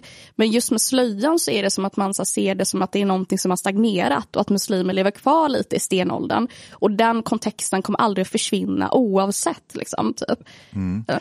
Yeah, I get what you're saying, but also there's, um, again, if we go back to to symbols and meaning of symbols, um, I would say, for me, people who say that the hijab can mean for me whatever, um, and it can have uh, has something to do with identity and so on. I understand what they are saying, but the thing is, it is still a religious symbol that has meaning with a religious context. självklart. So Ja. you cannot you cannot like say I have this religious symbol and ignore. I'm not saying you. I mean that that other person. Uh, ignore totally what it means in religion in that religion for the majority of Muslims in Muslim majority countries and how it's used to control control and and it, it's a form of like negative over sexualizing uh, of women in that in that way and how it is connected to uh, um, uh, in that sense. And the thing is, and also... uh, uh, wait, ju- ju just, a bra second, just a second. Nej, det är inte bra. Det, Det är väl nej, det är inte det. Uh, and För vem? För dig? För dig är det no, inte no, bra. no. There- There's a Då kan very, ju inte du there's vara a med very- dem på Tinder och träffa dem. there- There is a there is a very big difference between trying to to kind of like um, produce a, a structure that says that that couples like the the female body and female sexuality to sin uh, or something that is dirty, something that needs to be like like uh, covered or, or or suppressed. There is a difference between modesty culture and sex liberalism. Uh, so they are not the same thing. Um, you, you, you kind of like stop my train of thoughts. Uh, what was? Ah, like for example, if we, like, uh, there are some people who, who say, no, no, burqa or niqab, I'm totally against them. But hijab is okay. And I'm like, but you understand that this is exactly the same principle. The only difference is it's a bit less cloth that, you know, the niqab, for example, you're covering also like the, the mouth. If you, so if you take the cloth off the mouth, it's suddenly okay, but you're totally against, uh, against uh, the niqab. If, if it's just like, the, so the mouth part is, is what makes the difference for you. How about the burqa if the whole face is covered? Uh, you know, it is the same principle. Ja, men jag tror eh, lite olika grejer. Jag tror delvis att så här, jag kan ha lite svårt för det här eh, som jag upplever det ibland lite av så saver-komplex som finns liksom, när man pratar om de här frågorna. Att, så här, ehm, det- men det var lite som jag var inne på förut att så, här, så länge vi lever i en patriarkal värld och där kvinnors kroppar alltid sexualiseras så kommer alla plagg de bär också göra det. Och det visar ju också på att så här, hur diskussionerna är också om allmänt, alltså så här, för mig som har eh, liksom varit feminist sen jag var typ jätteliten och haft de här olika diskussionerna på olika sätt. Alltså det är så här, frågor om hår, frågor om smink, om man ska ha för kort, om man ska ha för mycket. Eller så här. Jag har och en det, lösning på detta. Så Om det. kvinnor inte bär kläder, då finns det inga sexualiserande kläder. Det Men det kommer du ju alltid, och det är det som, så här, jag tror min poäng är bara så här att så länge kvinnors kroppar politiseras och sexualiseras så kommer vi alltid ha en diskussion om klädesplagg. Och det blir så här för mig en slags omvänd logik liksom, i att vi kan inte, om, om vi tar typ så här länder där den här äh, sociala kontrollen också är väldigt starkt förknippat till, eh, till slöja och där det finns liksom så här lagar och så vidare. Ehm, där blir det på något sätt kan jag tycka, så här, logiken blir på något sätt omvänt. Om, om vi först börjar vi diskutera slöjan som är en, en symbol för religion, absolut. Och så, så här, jag bär ju slöja för att jag är muslim. Alltså, så här, varför skulle jag annars bära slöja?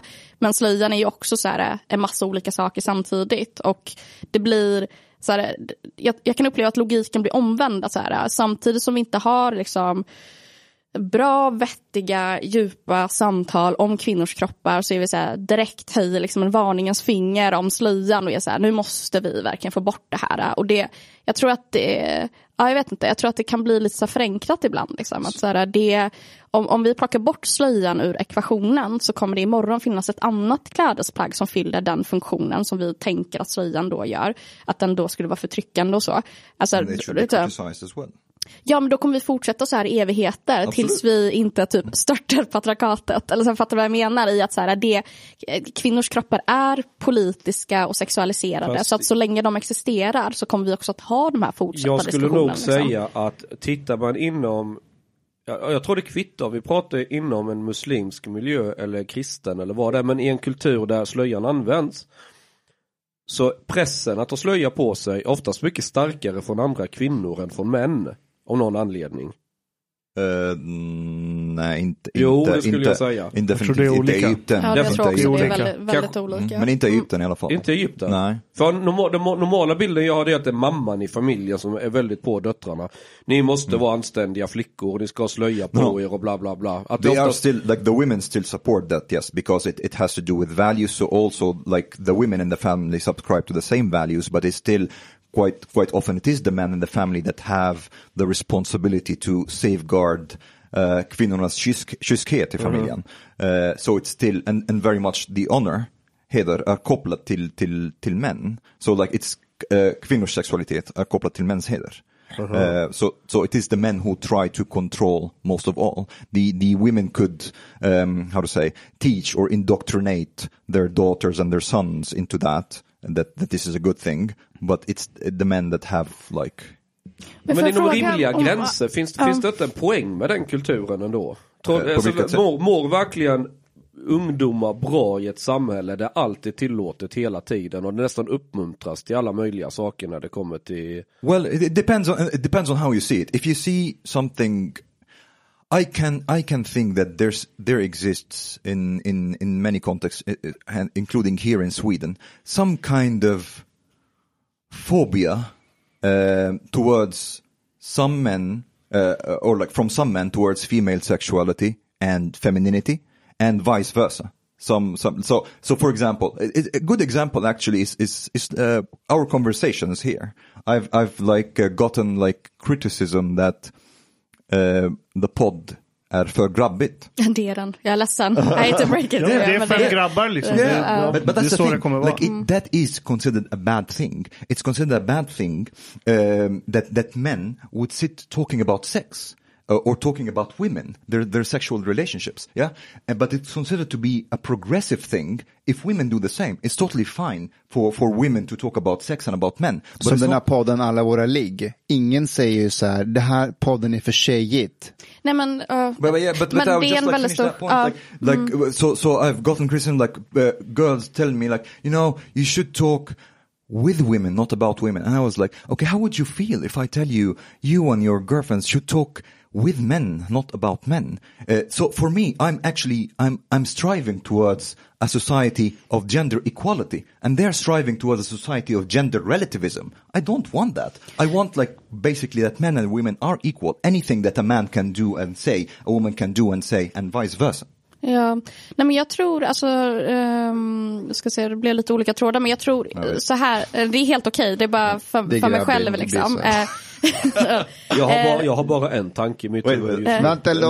Det, det, det, jag tänker så här, eh, om, vi, om vi pratar om just så här, eh, om män i grupp och hur det uppfattas och så och så vidare. Det handlar inte om, jag tycker det är skitbra att män pratar med varandra om sex. Liksom. Jag tycker det är jättebra att man pratar om de här frågorna eh, med varandra. För att också så här, dela med sig av erfarenheter, lära sig. Allmänt så är jag alltid pro att män pratar mer med varandra. För det är det som är problemet, att de inte gör det. Liksom. Um, men, men det finns ju såklart också en um, jag bara, hur ska jag säga det med ett bättre begrepp än typ maskulin toxic liksom, kultur, men som också så här, tenderar att ta över när män är i grupp. Liksom. Och det märker jag så här, när jag sitter med eh, manliga vänner i grupp, jag märker att det blir helt andra samtal än när jag sitter med eh, tjejer i grupp. Liksom. Att, så här, och det beror på så här, normer och annat som också så här, gör så att man så här, And partly nature.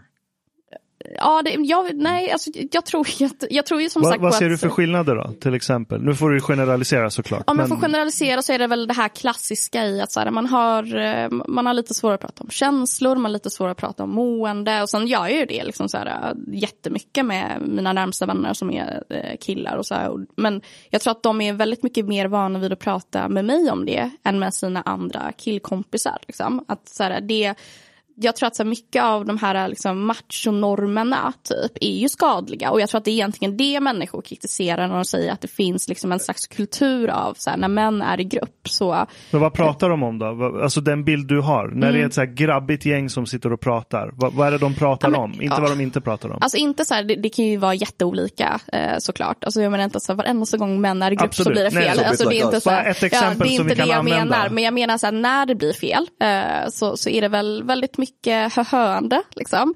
Eh, Vad väldigt mycket, eh, väldigt mycket jargong. Liksom. Alltså väldigt mycket att man ehm, har svårt att sätta gränser för vad som Fast är liksom så jag- här. jag måste flika in här. Men, men, vänta, vänta, Chang, vänta, en sekund bara. Uh, hur, hur ser det ut när tjejer umgås då? Och Det kan är ju se likadant ut. Alltså, så här, det är det jag menar i att så här, vi ska inte prata om de här frågorna. Jag pratar på ett väldigt strukturellt plan. Jag Sure. pratar inte om att så här, herregud, när, när jag sitter med mina tjejkompisar, vi kan också vara väldigt höga och vi kan också så här, ha svårt att sätta gränser. Och så här, det handlar That's inte om okay. det. Liksom. Och är inte det Eh, okej? nej, men det- alltså, det är det inte nice att ibland inte sätta gränser? För då, annars vet man inte hur det är att sätta gränser. Nej. Du måste ju pendla mellan att ibland bara vara en katartisk idiot. Och sen Verkligen, och, ibland det, ha- alltså, och, och, och det är jag ju hela tiden. Men jag tror att så här, det finns, det finns eh, en ganska skadlig liksom, eh, machonorm som, eh, och nu pratar jag på liksom, samhällsnivå, som också får eh, konsekvenser för tjejer, alltså så här, också får konsekvenser för att så här, typ att man drar sexistiska skämt på ett sätt som man kanske inte hade gjort annars eller så att man har svårt för att sätta de här gränserna. Men som också handlar om att det får konsekvenser för män. Liksom att så här, män har mycket svårare att prata med varandra om hur de mår. Liksom, det vet vi. Liksom, män där- har, här, måste faktiskt, eh, alltså Allah skapade ju faktiskt män och kvinnor annorlunda. The most, Vi är skapta, vi är skapta most olika. Muslim person. Ja men vi, vi är skapta olika. Vi, vi har andra, andra ba- hormonbalanser. Våra, Ja, okej, yes. Vår fysik är Yes. annorlunda, vår, vårt beteende. Och, och det, det, det är liksom program... Ja, yes. genes Alltså jag matter. tror inte det. Jag tror Nej, att så här, väldigt mycket med, det är klart att det finns biologi i så här, hur våra olika kroppar ser ut. Men väldigt mycket med kön är en fråga om social konstruktion. Alltså så här, hur vi beter oss, hur vi är. Vad, alltså, så här, det, allt det här är Skulle saker som... den lokala moskén hålla med om detta? Det beror på vilken imam. Det finns Men kolla, eh, massa bilen, olika. alltså så jag landar Eh, väldigt nära dig egentligen, typ det här med plagg. Men inte om Där, biologi. där håller jag, eh, inte om biologi, där håller jag med dig om att kvinnors kläder eller plagg kommer alltid vara sexualiserade. Eh, Min anledning till det är inte att det finns en patriarkal maktordning. Det kan finnas i vissa samhällen. Eh, men i Sverige till exempel, där kvinnors plagg definitivt är sexualiserade, oavsett vilken kultur du kommer ifrån i Sverige. Men jag skulle säga att det har egentligen att göra med att i arten Homo sapiens så är kvinnan the sexual selector. Till syvende och sist så är det kvinnan som bestämmer vem den vill ligga med. Killarna får stå på tur och visa upp sina teckningar och visa hur duktiga de är. Till slut är det ändå kvinnan som bestämmer.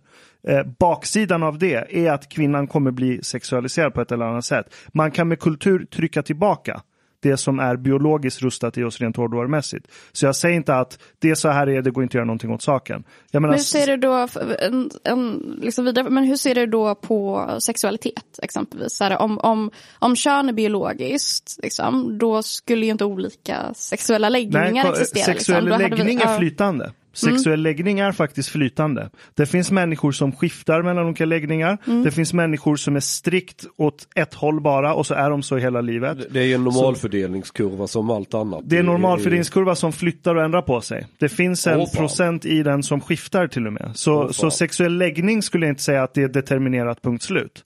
Eh, Så där är vi nog ganska överens också, men kanske har olika förklaringar till det. Men när det gäller kyskhet och de här aspekterna. eh, Alltså det här med det- att folk blir gay, det är ju shaitan som har eh, varit framme. Eller hur Min mormor sa, Alltså har gå du inte blivit nära... trolligare med åren Chang? Det känns... Trolligare? Alltså, shaitan- Har Det han känns- blivit? Det känns Alltså, wow. det är lugnt, vi, vi, vi blipar ju typ hälften av det han säger. Så Ja, men shaitan betyder djävulen. Min Jag mormor sa, gå inte för nära balkongen, shaitan kommer dra ner dig. Det är just- mitt Men favoritord vänta, att alltså, just sexualitet och kyskhet hos människor, det är komplicerat där. För, Sodomi. att, för att i många djurarter så har du liksom antingen polygami, monogami och så brukar det vara ganska strikt. Eh, Medan hos människan så finns det ett spektrum. Alla är inte antingen monogama eller polygama och bara vill ligga okej. runt. Och det gäller båda könen.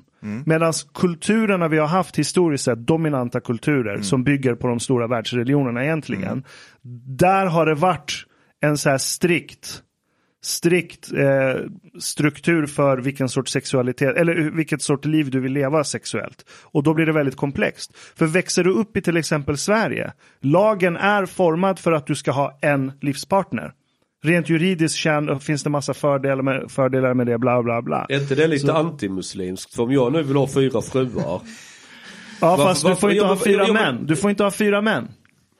Så det blir inte... Vadå fyra män? Alltså, En jag- kvinna får inte ha fyra män. varför inte det? Alltså nu, du, islam doesn't work Jaha, ja du tänker Det så finns, ja. det finns står- historiska förklaringar till det som, har, Men- som är väldigt och, byggt vänta, på ekonomi vänta. och, och annat. eh, Så. jag, jag kastar inte heller idén om sociala strukturer. Jag, Alltså jag helt- vill inte ha fyra fruar för att ja, det räcker med en. Jag får Nej, för din, Det är din fru sitter här i rummet så Nej men jag du hade inte orkat. Vet ni, alltså, tänk fyra som tjatar också. på mig. Fäll ner toalocket, du måste eh, städa Chang, om du är så attraktiv att fyra fruar vill vara med dig så kommer du ha råd med assistenter som hjälper dig med sånt. Vet Men du, i alla jag kommer fall. bli ruinerad av fyra fruar. Vet du vad det kostar att ha en? Du är redan Det här är ruinerad. så gubbigt alltså. Kolla på dig.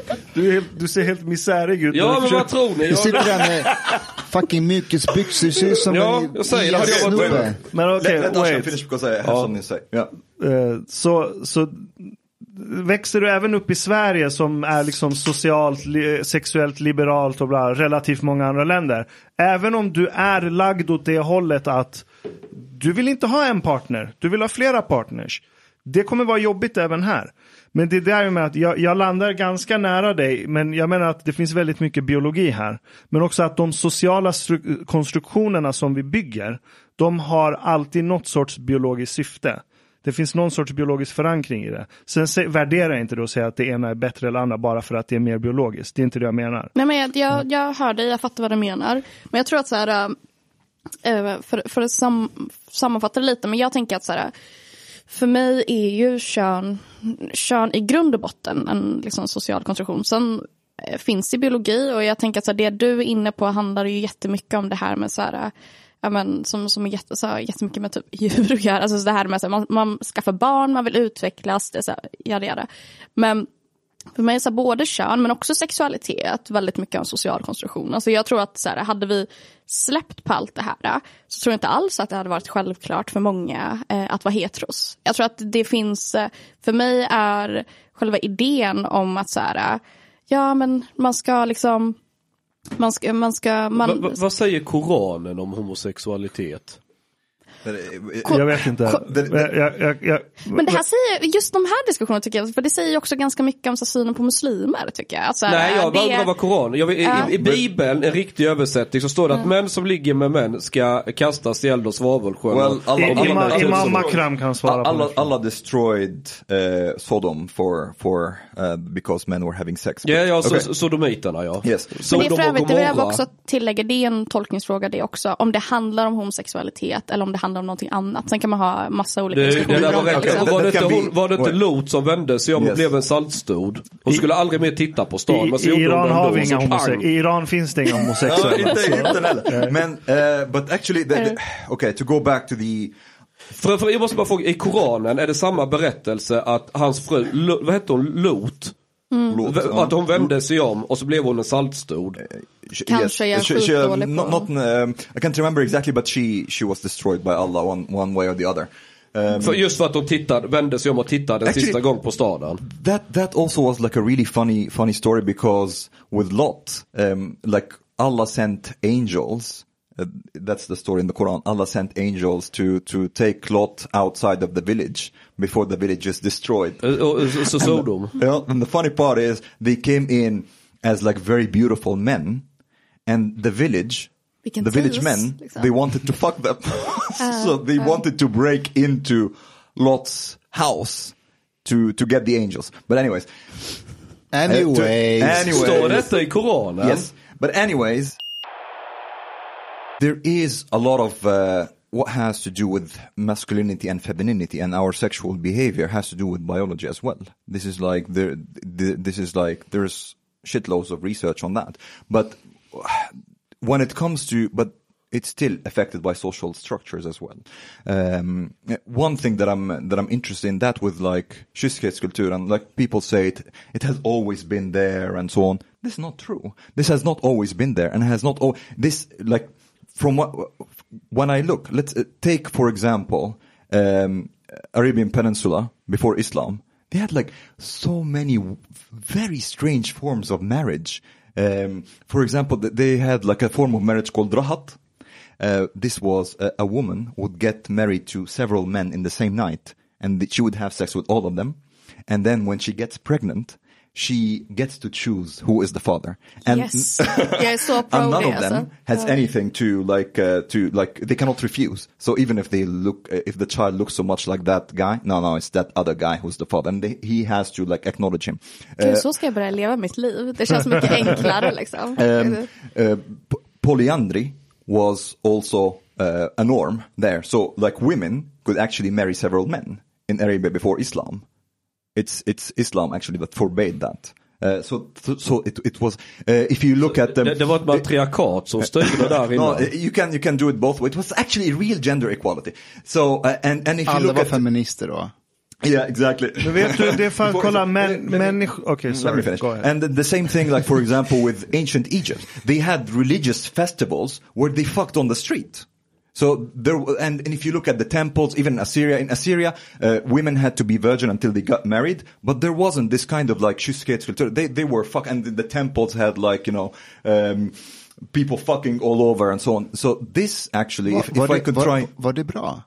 Uh, ja, jag skulle säga så. Men vet du, om man kollar en grej du missar här, det är att Lite alla mycket de här... också kanske. Men, men det fanns inte då. Det fanns inte. Men- alla de här eh, grejerna vi pratar om, det är sociala konstruktioner som är formade för att det har funkat i en viss kontext. Som har med geografi, tillgång till resurser, eh, hur du producerar näring och överflöd i det samhället. Till ursprungsstammar, där fanns det väldigt mycket kyskhetskultur i det att om du bor i en ursprungsstam och är jägare och samlare, du kan inte ha sju kids under fem. För att liksom mannen kanske springer runt med vapnena och kvinnan kanske springer runt med andra vapen eller så här, saker att käka och så kan han ha en unge i armen. Men mer än så går det inte för att du måste kunna kuta när som helst. Så du kan inte ha hur många kids som helst. Så många ursprungsstammar, där har de ritualer någon gång per år där folk ligger med varandra hur mycket som helst. Där alla är mamma, eller alla är inte mamma, man vet vem som alltid är mamman. Men det är svårt att veta vem som är farsan. Så man delar på faderskapet för att det funkade i den näringsgeografin de var då. Det du snackar om tror jag är mycket så här gamla så kallade garden cultures. Som är precis innan vi blir jordbrukare. Där går det också att ha ett sånt sexuellt system. Medan så här kärnfamilj som vi har idag. Det är egentligen ett jordbruksfenomen.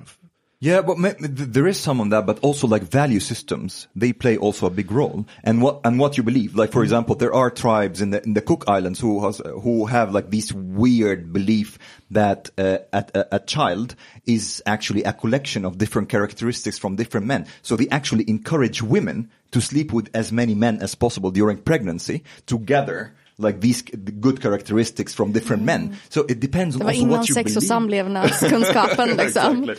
Omar har varit på fel sida av internet hör jag. Men kolla, om den stammen har, om den stammen har överlevt så betyder det att de har gjort något som har funkat. Sen säg inte att det är bra, dåligt. Det finns stammar som har överlevt där småpojkarna måste liksom äta utlösningen från de äldre männen och grejer som en ritual. Vi kan argumentera för att det kanske inte finns något praktiskt syfte med det. Men att de har också överlevt. Jag säger inte att det är bra och vi ska börja med det. I- Så när du säger så Varför här, inte liksom?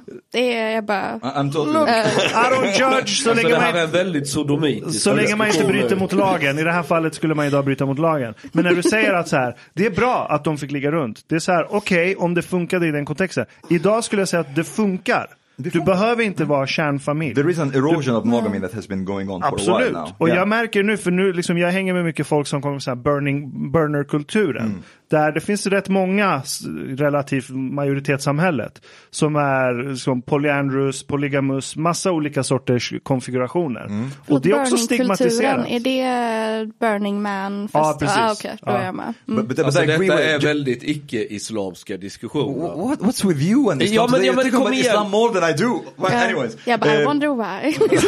uh, no, but I agree with you, but but I, I would say it's a combination of both. So beliefs and values they play a very big role, but I agree with you and that that these beliefs and values uh, have to be compatible with survival in this context. But there could be also other sets of beliefs and values that are not necessary for survival in that way. So they don't like that that tribe that I was talking about. It does not have to believe that the woman can uh, or that the child comes from several men in order to survive. But that belief is compatible with, still with their survival. Mustafa, är inte detta väldigt haram? alltid? Det, det är rätt haram, jag håller med. Sheikh Mustafa. Ja, precis. Jag, jag, jag måste säga att Gud gav oss profeten Muhammed av en anledning.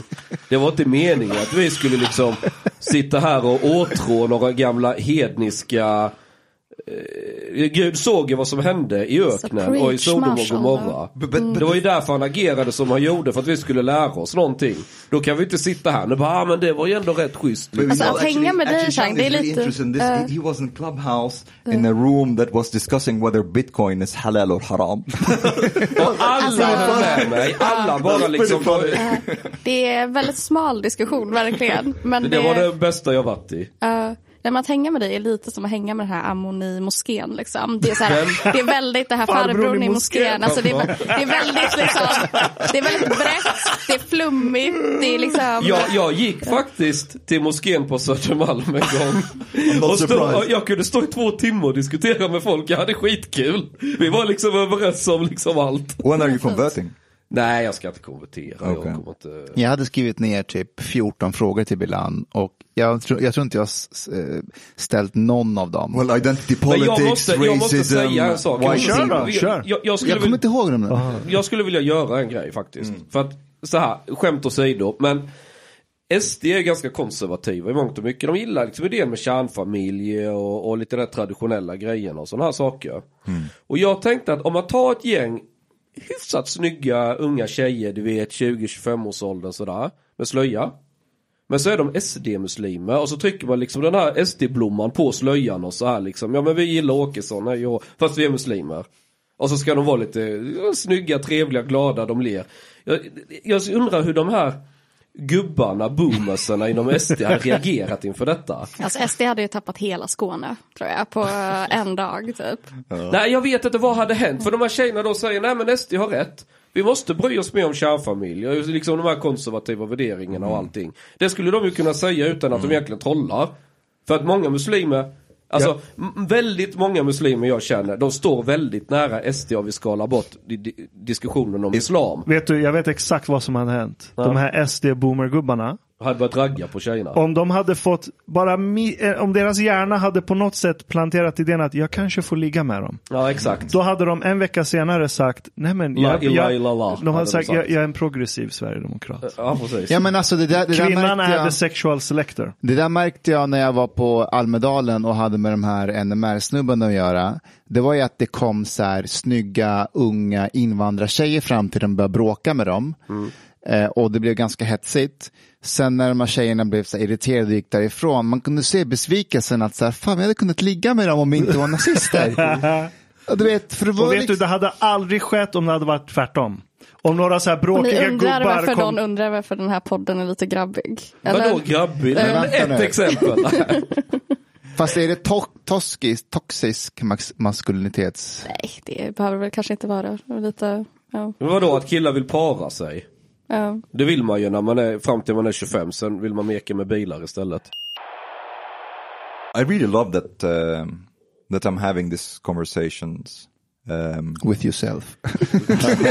no, with you guys and well, Bilan. Uh, it's it's really interesting and it's and I really love that we are trying to. Vad har du lärt dig Omar? Ingenting. det är bara, jag håller fast I vid vad jag tycker. I think it's important to try to like uh, a lot of what we have we have talked about. It is it is important to to analyze and try to like me and Bilan we have like different opinions on on hijab and Islam and so on. Me and Chang we have different opinions on well everything. Du och jag har olika opinions om hijab you- och you huvuduk. and and I like I like that this is even part of the message that you can talk, sit at the same table with people who have different opinions from you and discuss these these topics from them. And the thing is, I I have taken that for granted, but I've come to realize that I cannot take that freedom for granted. Um, and this mic now, for me, I have a, a new relation, new found love to this mic. For me, it has become the symbol of freedom. For me. Um, This is your hijab. you had to ruin it. Vad, vad, vad pratar vi om nu? Mikrofon? Yeah, no, about the mic. That, that mic has become the symbol of freedom for me. And uh, and it, but, but the thing is, det är Men väldigt fint It's- faktiskt. it's Omars hijab. but it, it's not kolla, it's not uh, it's not like easy and uh, and it hasn't been easy for me and this is why I've been chased out of my country because I wanted to be free uh, and I thought that yeah I had high hopes to have this dream of freedom here in Sweden as well um, Men var, varför har du börjat tveka på att så inte är fallet? Uh, I think I think a little bit like uh, the that degree of freedom. Uh, jag har upptäckt att den graden av frihet som jag vill ha kan vara en kulturell belastning. Du är den It's a kulturella bit- belastningen. It's a bit, it, and, and the thing is like the the the choice is not always easy. Uh, but and and sometimes I thought about it a lot when when we got sometimes like criticism for the conversations that we have and so on. And a friend of jag fråga, mine. förlåt, nu avbröt jag. Förlåt, fortsätt. A friend of mine like asked me uh, a Han är question. arab, man Do you- avbryter alltid den kulturen. Wait, uh, a friend of mine asked me recently, "Do you want to create change or do you want to be free?" And for me, frågan var felställd. The freedom is the change. This is how I this is how I see it. This is my whole personality. This is what I have been aspiring towards, and this is what we need. Men det finns ju gränser också. Till exempel vi sitter här med Bilan. Jag älskar Bilan på många sätt. Vi är inte heller överens om, om, om mycket, men jag, jag gillar Bilan. Jag hade inte She's velat actually se... quite nice. Actually. jag, är det hade, nu det sexistiska grabbsnacket börjar? jag, hade, jag hade ju inte velat sitta här med Ingrid Carlqvist och tänka så här, åh, det är bra, vi kom samtalet, kanske lära mig någonting. Nej, jag är förbi det där. Jag vill inte, det finns människor jag inte vill prata med. Det finns håller inget med. gott som kommer att komma ur det. Well, there are people we can agree with, and then there are Det people who finns are retarded. ingenting jag skulle, Exakt. There's a difference. det finns ingenting jag skulle komma överens om med Point. Vad var det du ville säga? Du, du, du, Nej, jag var bara inte för att ni, ni har återkommit lite till det. Om ni vill snacka, det har varit kritik mot den här podden. Vad, vad det, har kritiken bottnat i? Vad har det handlat om? att dels att den är grabbig. Vilket jag absolut inte kan förstå. Och, alltså, ska jag vara helt ärlig så är, det är väl egentligen det, att den har varit grabbig, inte That's något specifikt vad vi har sagt. Ja, okej. Utan det är tonen. Vilket jag tycker, det, Och det är tycker det- jag är riktigt konstigt. Ja, precis. Alltså, att jag har inte fått mer skit för, för det jag säger i den här podden. Men än en gång så är det tonen och det är liksom, det är Sverige på många sätt. Det är Yeah. inte specifikt vad vi har sagt utan tonen är problematisk. guys talk like a, a bunch of guys sitting talking about sex and about women and so on. This is considered like th- this whole thing. Like yeah, like you should talk with women, not about women, but uh, not the other way around for women for some reason. Sen ska vi säga att podden är mycket mer än så. Alltså vi har haft polisen Rissa här, vi har haft komiker här, vi har haft, vi hade rektorn Mikael från Engelska skolan här. Den här podden är inte om sex och kvinnor, det är typ en lite, även om man har många Tinder-stories och han vill ha, Sant, jag vill höra dem. ja, Alltså lyssna det, det, det, det, detta är så detta är så haram att prata Tinder-stories och så sitter bilarna, "Ja, men jag vill höra dem. Alltså vad, vad skulle en, nej jag, jag, jag har svårt att tänka mig att en, att en imam med självrespekt skulle sanktionera sådana diskussioner. This is our st- st- stand-in Sharia police here we have. Verkligen. Och jag bara, vad hände? Ja men vad har hänt med religion? Det, det är så, det, det är likadant, nu händer detta med, det detta har jag alltid varit jättebekymrad över. Sverige, Sverige har liksom tvättat ur kristendomen till ingenting. Och nu ska de paja islam också. Nu, nu, nu är det det här.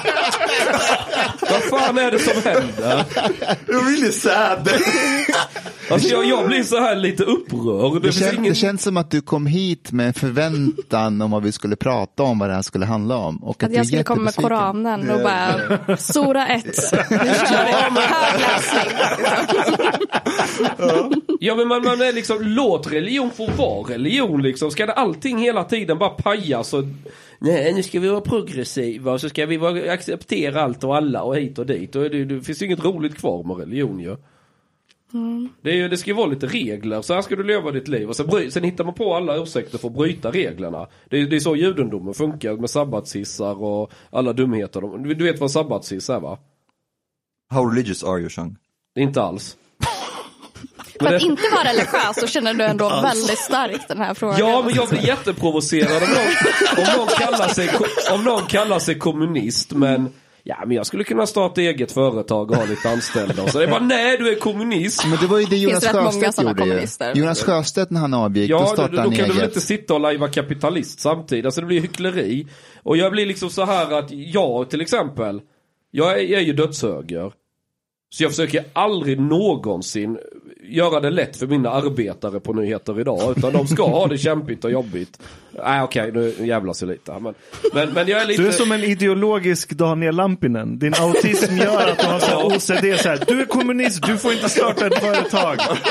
Du är muslim, du får inte reformera någonting. Du är... Du, du, du. Jag skulle vilja starta en podd med, eh, vad heter Lampunen. han? Nej, Karaki. Vad heter han va? Mohammed. Eh, Han heter? Mohammed Karaki. Och, och, och vad heter han den andra killen? Så, han hade en podd ihop med en annan kille, han som var ordförande i SUM eller? Jaha, Rashid. Det är, Rashid Musa, ja. jag, jag och Rashid har växt eh, upp tillsammans. Alltså jag tror att jag. Rashid och Karaki, vi hade varit liksom så här Hade Rashid velat komma till den här podden tror du? Får ni fråga honom. Det Ha, alltså han, han är rolig, jag gillar Rashid, han, han, han har humor. Ja, Rashid är bäst, verkligen. Det är typ, jag tycker verkligen att det är en av de mest liksom, roliga men också skarpa personerna som vi har i Sverige. Jag håller med, jag brukar Jag läsa det han skriver och han, han har mycket humor och det, det uppskattar jag alltid. Jag håller inte med honom, men han har humor. Det är intressant alltid, för det måste jag fråga eh, Mustafa. För det, det är ju många gånger du säger så här, jag håller inte med. Men vad exakt är det du inte håller med om? Jag Liksom? håller inte med om eh, eh, bilden av rasism i Sverige, att vi har strukturell rasism, att den är så djup som, som ibland du och Rashid målar det till att vara. Jag håller inte med om när du skriver på Twitter om att du är trött på vita människor. Har jag skrivit på Twitter att jag är trött på vita människor? Ja, skrev inte du att, att ibland kan du vara väldigt trötta på vita? Ja men det är gud, det, Ja. det, det har jag skrivit. Men jag vet inte om jag har skrivit det bara så i en tweet. Men det har Ja, men för mig skrivit, liksom. räcker det med den meningen liksom att sen att, kan man, att man kan, det är som Jomshof när han går ut och säger så här att islam är en avskyvärd religion och sen, sen så eh, säger han så här, men jag menade egentligen det här och så ska han förklara det och alla bara, ja men han, han förklarade vad han menade för mig så här, du sa att det är en avskyvärd religion och för dig blir det lite samma så här att i en mening säga att du är trött på vita människor är för mig så här, hmm, det, det är Är det bara för att du alltså- tycker att du är lite vit i, i hyn eller? Nej, verkligen inte. Utan, utan det jag är rädd för att, att så som du pratar om rasismfrågor och Rashid Musa bland annat, också den delen av vänstern, det är att det, det blir lite så här att ni får säga lite hur som helst om vita för att ja, ni är icke-rasifierade Vadå, får eller, eller du, svarta. får inte du snacka skit om mörkhyade? Vad Nej men jag du? tänker, alltså förlåt. Jag Ja, måste du, du, bara... du, tycker så här, att om hon kan säga någonting om vita så blir du lite kränkt av det?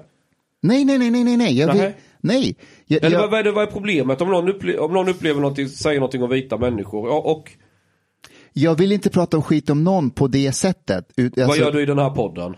Om vem? Okej, jag skojar dig. Nej men det här är för att, äh, alltså, Blippa bort det här. Det här, det här bidrar inte något i konversationen. snart kommer Chang dra in en staty också igen. Liksom.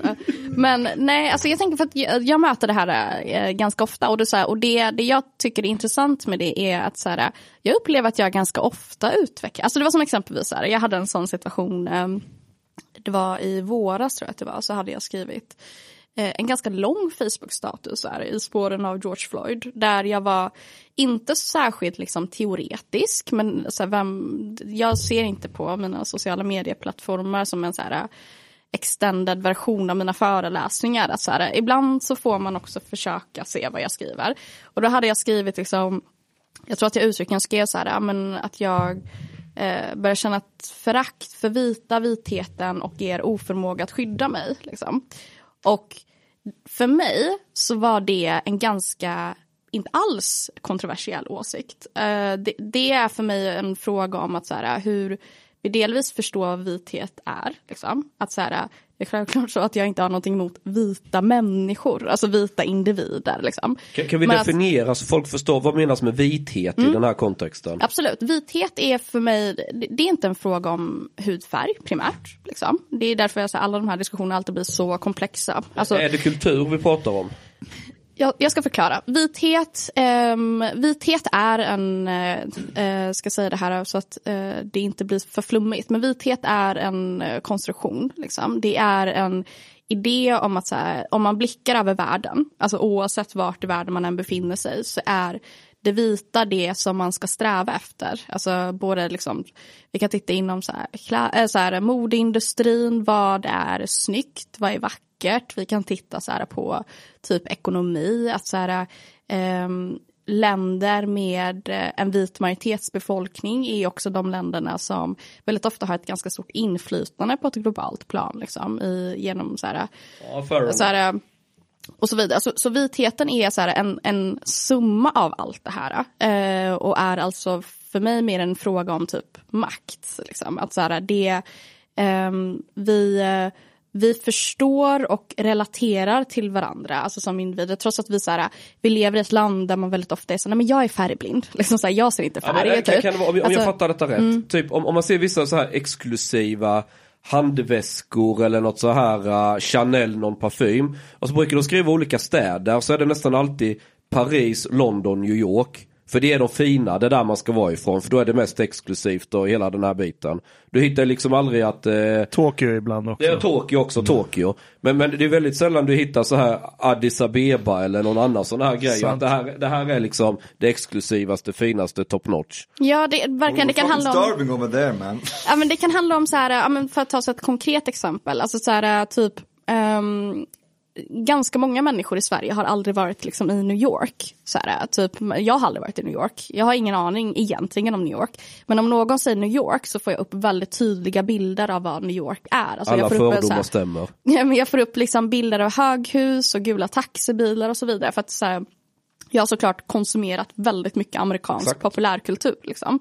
Eh, men om någon säger typ så här Mogadishu eller Teheran eller Kabul. Eller så vilken annan så här, ja, men då får de kanske upp mentala bilder från nyhetsrapporteringar eller ingenting alls. Liksom. Eh, och det här är en, en del av någonting större i att så här, eh, vi har en ganska dålig representation när det kommer trots att så här, många, många länder är så här, ganska stora befolkningar. Eller så här, om vi bara tar, ja, alltså det var typ senast förra året som jag fick frågan, pratar du afrikanska? Like, alltså så här, det, den bilden finns fortfarande kvar av att så här, Ja, vänta Afrika är... Afrikanska, som att det finns ett språk i hela Afrika. Ja, eller som att det? Afrika är ett land. liksom, så här, så att det, jag tror att så här, allt det här, det, är det här är så skitsvårt att så sammanfatta på något sätt. Men så här, när, när vi, vitheten är så mycket samtidigt. Liksom. Men det är i grund och botten så, eh, min antirasism är inte en, jag är väldigt ointresserad av individer kopplat till liksom, rasism. Jag tycker det är jätteointressant att så här, diskutera vem som är rasist, vem som inte är det, alltså så här, alla de här individuella diskussionerna.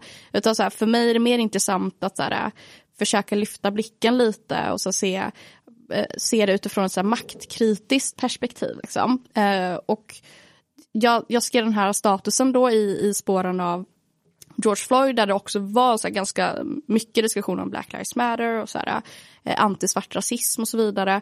Eh, och backlashen var så här, total, alltså så här, folk typ ballade ur liksom. I att så här, ja, men, betyder det här då att du typ vill mörda vita människor och så här, allt det där. Och jag menar på att så här, har man inte det här maktkritiska perspektivet eh, då stannar det liksom vid att, så här, att tro att jag går runt och så här, low key hatar Pelle på stan. Liksom, Vet typ. du, jag, jag landar i samma, egentligen, inte diagnos ska jag kalla det, men jag skulle kunna komma fram till det du kallar för vithet, men från en helt annan väg.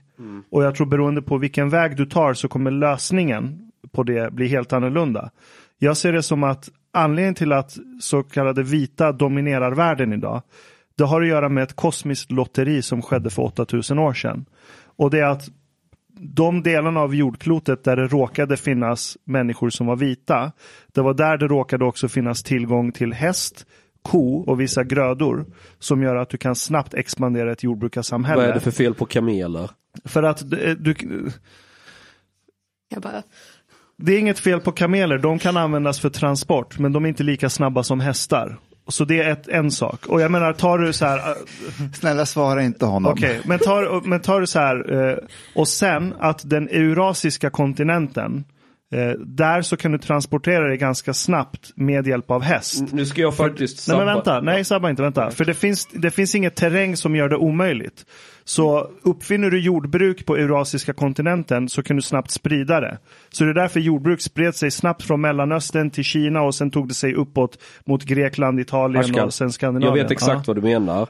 Men min poäng med kameler är valid. Därför att under fram till 1600, nej när var det? Det var, det var tusen år sedan. Alltså islam var ju en högkultur, Mellanöstern var ju en högkultur. Eh, eh, innan Europa kom på frammarschen. Mycket var ju på grund av kamelerna för att du hade sidenvägen. Du hade ju handel från eh, eh, bortre orienten, Kina, det som idag är Kina och där borta är Indien och alltihopa.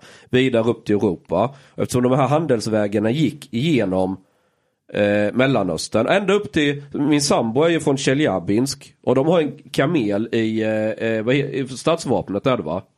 Yes. är Och det, vilket land är det? För Ryssland. Ryssland. Ja men alltså det, fann, det fanns häst i Mellanöstern också. Det fanns ko, det fanns grödor Ja men hur, hur bra klarar sig en häst ute i sandöknen? Är det 35 Men- grader Men- varmt? men vänta, Alltså, vänta. Så, men, men, men det fanns civilisation i norra Afrika också. Right? Men den kunde inte exporteras till södra delarna för att du har hela Saharaöknen däremellan som inte gick att ta sig över på den tiden. Plus att grödor och djur som lever bra i norra afrikanska kontinenten, de kommer inte klara sig i andra delarna av den. Samma sak med Nordamerika.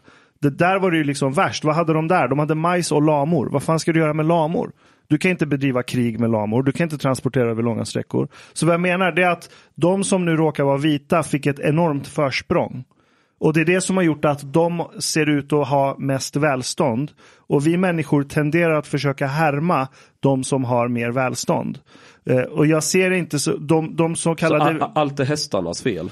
hästarna och liksom de grödornas fel. På ett sätt är det så, absolut. Have Jag you menar, read om du Guns, kollar- Germs and Steel? Ja, exakt. Precis. Jared Diamond. Eh, Men samma sak om du kollar Indien. Reklamskyltarna där, de tar de ljusaste indierna som finns där. Ja, alla Bollywoodstjärnor Exakt. är alltid ljusare hyn jämfört med majoriteten av indier som är mer mörkare hyn. Så är du ljus hyn blir du egentligen en Bollywoodstjärna. Alltså du får mycket högre status om du har ljus hy i Indien. Och där kan man också säga, men vadå, Va- varför är det så där? Så det du kallar för vithet, jag ser det.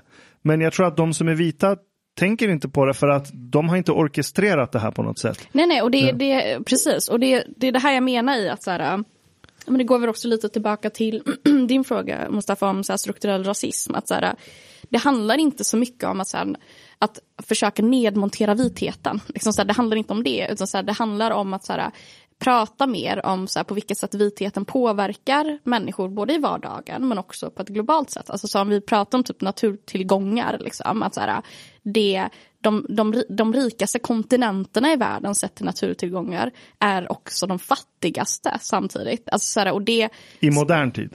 i modern tid, precis. Och det, och det tror jag så här, och jag menar inte så här, det finns en förklaring till det här. Verkligen inte. Det finns massa olika förklaringar. Ehm, men att så här, när vi, när man pratar om liksom så här, frågor om vithet så måste man ju också så här, någonstans anvisa att vi har liksom vi har en mängd data, vi har en mängd studier på området som så här ganska tydligt beskriver liksom, eh, strukturell rasism och så här, på vilket sätt liksom, strukturer påverkar oss och begränsar människors liv. Och så här, för, att, för att komma runt det så handlar det inte om att så här, down with the white people, det är inte det som är min poäng. Liksom. Utan så här, min poäng handlar om att så här, vi måste fördela resurserna liksom, eh, på samhällsplan men också på ett globalt plan. Liksom. Och där är det så många olika grejer som går in i varandra Alltså, samtidigt. de, de, liksom. de studierna har jag svårt att köpa för att de är väldigt korrelativa. Men även om vi lämnar det åt sidan. Eh, här, Vilka studier då? Det har gjorts, Vad sa du? Vilka studier då specifikt? För det har gjorts så sjukt många. Liksom. För alla de studierna som landar i slutsatsen strukturell rasism, det de missar där, det är att ta in klassaspekten och koppla att klass korrelerar med etnicitet, men etnicitet är inte kausalt för klass.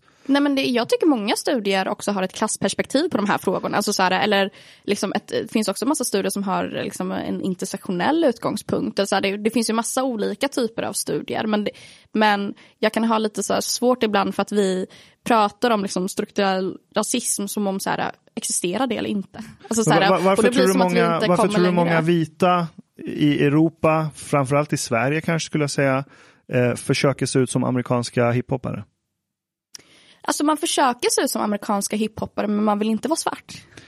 Här, och- det tycker jag är en ganska stor skillnad i att så här, det, det är klart att så här, Alltså menar du hudfärgen svart? ja precis, alltså så här, det, det, alltså så här, min poäng är, nu, nu blir det här alltså väldigt förenklat liksom, typ Sure. i, så här, i att vi, det finns säkert en massa individer som hade velat vara svarta. Gud vad jag hängde med många sådana under högstadiet, verkligen. Wiggles. Men, Nej, men, nej, men Louis CK har faktiskt ett skämt om det. Han är så här, jag är så jäv... om jag hade fått födas igen, om jag fick välja hudfärg och kön, han bara, white man. Ja, men, men, It's fucking men, great. hon, hon i engelska kungahuset som gnällde ut i Oprah Winfrey. Meghan. Ja, hon låtsas ju att hon är svart ju. Det är hon väl, eller? Va? But, but I'm, I'm darker than her. That's a bit strange. Ja, men det, alltså, det är det här jag menar, så svarthet eller vithet är inte så här en fråga om hudfärg. Alltså, så här, super min, rich as well. So Ja, like, jag Ja, vet så- inte på, på vilket sätt kvalar hon in. Point. Men alltså jag förstår vad du menar. Alltså att vara svart förknippas, typ det du nämnde innan, nyhetsrapportering och sånt. Det är så här svält, bakåtsträvande, att eft- efterblivenhet i samhällsstruktur. Det är sånt man har bombarderats med sedan barnsben. Och det här har jag tagit upp som förut också i andra format. Så här FN-veckan vi hade, eller kanske fortfarande har.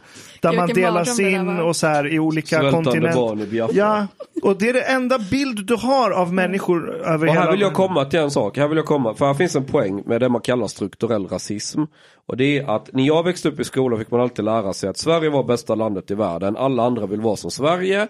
Och vi måste hjälpa resten av världen. Och det finns en sån här godhet att man ska hjälpa alla människor. Men då ser man samtidigt ner på människor. För de, har- de har inte riktigt kommit lika högt upp i civilisationen som vi är i Sverige. Och så tror man att allt alltså, är lite sämre i andra länder och andra kulturer och allting. Och, och jag vet när jag växte upp, liksom, det var så gammalt. alltså liten by på liksom gränsen mellan Skåne och Småland. Den är liksom 20 år efter resten av samhället. Men det var så indoktrinerat den här bilden liksom att eh, Sverige är någon slags så ja, bara det att jag hade annan eh, hårfärg gjorde att många tittade suspekt på mig som att jag kanske inte riktigt var lika modern och förstod allting lika bra bla bla bla.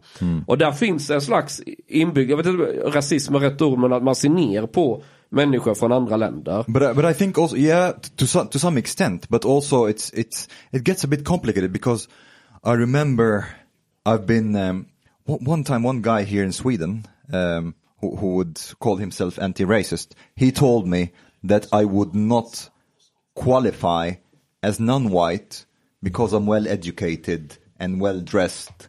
Uh, for me, this was like really strange, and well, actually, this was for me was racist. Um, but but uh, and I can buy some of the points you're saying, or at least it would be a very interesting discussion to try to analyze these aspects. But don't you see that there is a linguistic problem uh, that can cause divisiveness and confusion if you use like words like vithet to like to, talk about this or like um, uh, vita människor and so on um, don't don't you think that that it, linguistically this is a bit problematic Det är någonting jag funderat på väldigt mycket. Och så här, mm. eh, absolut, och, och, det är för mig också så här, en fråga om eh, att jag är vänster. Alltså utifrån ett klassperspektiv så tror jag ju inte på att ah, slänga sig för mycket med vissa akademiska begrepp. Eh, om det inte också är om, om inte alla heller känner sig bekväma i att så här, eh, och, och, och, det, det köper jag helt. Och, så här, och jag tror också att så här, det är ju inte enda gången som jag heller pratar om de här frågorna. Alltså, så, här, så snackar jag inte under en föreläsning. Liksom. Jag är inte så bara, hej, vitheten, problematiskt, nu går vi vidare. Alltså så här, det, det, det, gör jag ju inte. Utan, så här, ja men exakt, men det gör jag ju inte. Utan så här, då har jag massa mer tid på mig. Och, och, och, det är det här jag tänker, så här, jag har pratat mycket med andra om det, alltså så hur man använder sociala medier och så. så för mig har sociala medier varit en, um, en ganska skön kanal där jag inte behöver alltid vara liksom, eh, föreläsare eller liksom skribent. Utan det kan också bara vara typ att man bara vill få ut någonting på ett väldigt banalt sätt och det ska vara okej. Okay, liksom. um, och det innebär inte att jag inte eh, duckar ansvaret sen. Alltså det, det, är det enda jag gör, att ständigt diskutera med människor som har liksom missförstått mig eller som kanske inte alls har missförstått mig utan bara inte håller med. Eh, och, och, det tycker jag är ett ansvar som man får ta. Så här. Om man skriver någonting så får man också ta de diskussionerna i efterhand. Liksom. Men Ja, ja, det är en svår fråga och det är någonting jag själv har funderat mycket på. Jag har inte landat riktigt i, i det. But I have to say also like something, even me. Um, if I would see your tweets, for example, I haven't like follow, followed you very carefully, but if I see some of these tweets mm. when you're talking about Vita Manihor or Vithet and so on, it, it's actually, it, it causes, um, it, it turns me off. Uh, and it, it would, it, I was thinking, um, that I would not have an interesting discussion with you. Uh, because of that. So I had like an image because of the linguistics uh, that that is a bit uh, unconstructive. Um, but now, when we're able like to to meet and have a conversation, I actually I was wrong. Yeah, uh, but if that language was not used, actually we we would have met and like been able to analyze these issues together much more easily. Mm. Men det är just därför vi har det med också här Bilan, för vi vill prata med dig, för jag vet ju att bortom det du skriver på Twitter eller Facebook ibland så kan man ha en jätteintressant konversation med dig. För jag har ju läst dina texter genom åren och så här, shit, det här var, och jag ska vara helt ärlig, jag har haft så här, okej, okay, Bilan är sån, och så när jag läst dina texter på djupet så var shit, det här var liksom intressant. Men tror du att det finns anledning till att det blir så att så här, okej, okay, vi är alla i våra bubblor på något sätt. Och att när man är i, så här, nu generaliserar jag, men så här, expo-bubblan, där man pratar om, så här, du vet, vithet och vithetsnormer och så här. Så man, ibland så har man en föreställning att ja, men folk fattar väl vad jag menar och så slänger man ut det. Men det finns en stor massa där ute som bara, mm. som bara ser att du skriver så om vita. På samma sätt som Jomshof eh, från Sverigedemokraterna blir en spegelbild för mig här. att så här, ja, men Jag menar islam som eh, statsskick i Saudiarabien, det är det jag menade. Varför är folk så upprörda? Ja, för att du sa att islam är en avskyvärd religion. what the fuck, vad tror du ska hända? Och lite så känner jag ibland med dina tweets eller med Rashid Mosads tweets eller andra i den på den kanten att så här, man tänker så här, men folk fattar väl vad jag menar, det är bara att läsa vidare, men folk De fastnar vid det. Nej, nej men verkligen, och jag utgår verkligen inte från att så här, um, ja, men delvis, jag tror inte att för mig så har inte det varit jättemycket av en fråga om bubbla, alltså så här, du nämnde Expo, Expo pratar verkligen inte om frågor som har med vithet att göra liksom, utan så här, det är en traditionell antifascistisk organisation som pratar om liksom andra frågor.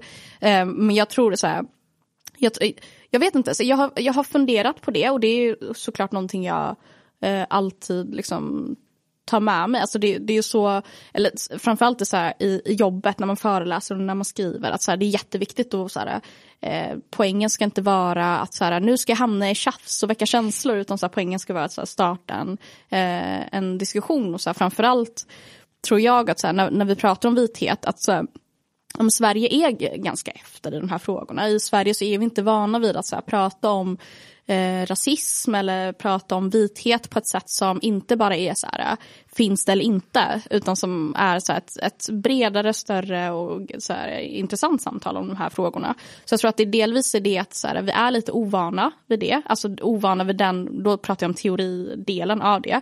Men, men, jag, men det är också därför jag liksom så här, om jag skriver en text exempelvis, Eh, då har jag ju ett helt annat tilltal. Alltså så här, då, då når jag en helt annan liksom, publik. Men så här, när jag twittrar eller när jag skriver Facebook, då vänder jag ju mig till de som eh, följer den. Liksom. Eh, då vänder jag mig inte till så här, Berit som inte har en aning om vem jag är. Liksom. Utan då är det så här, människor som, som man känner på olika sätt eller inte känner men som, som man ändå har någon slags så här, sociala medier-relation till. Och då blir det också ett annat tilltal. Liksom. Att så här, och jag tror, bara för att jag var också tvungen att bara säga någonting om den, den jämförelsen. Att så här, Um, för mig är inte att diskutera vithet någonting kontroversiellt. Utan så här, för mig går det i linje med hur vi måste prata om rasism. Liksom. Um, och jag tänker till skillnad från typ Jomshof som rör sig i en väldigt tydlig antimuslimsk miljö. Där det inte är första gången som Jomshof säger någonting islamfobiskt. Liksom, att så här, det, det är en helt annan kontext. Liksom. Um, och där också hans liksom, idéer får genuina konsekvenser. Tänker jag, liksom. jag förstår, alltså, men mm. grejen är att det finns en stor massa där ute som jag tror, och rätta mig om jag har fel här, men som hör det Jomshof säger och tror Eh, och, och, i alla fall jag gör det, när, när, eh, att man tänker så här, okej okay, men bryr du dig verkligen om muslimerna i de länderna du säger att vi ska ge de liberala muslimerna en röst? Är det really, är ditt hjärta verkligen där? Men jag tror också att det finns en stor massa som läser det du till exempel skriver och säger så här, pass, bryr hon sig verkligen om vita eller att de, att de ska att vi alla ska ha det bra eller är han någon slags rasistisk mot vita och hon, hon är svart och hon ser efter svarta intressen lite. Och då menar jag de här stora massan som inte är så jätteinsatta i de här frågorna, inte har investerat så mycket, de har ett jobb, 75 eller whatever, där, och så går de och tränar och så går de och lägger sig och så läser de någon tweet på kvällen. Mm. Medan vi här alla, vi hänger ju liksom på de här plattformarna och är bevandrade i språket och så. Tror inte du att det kan bli resultatet av, av det sättet att skriva eller, eller prata på?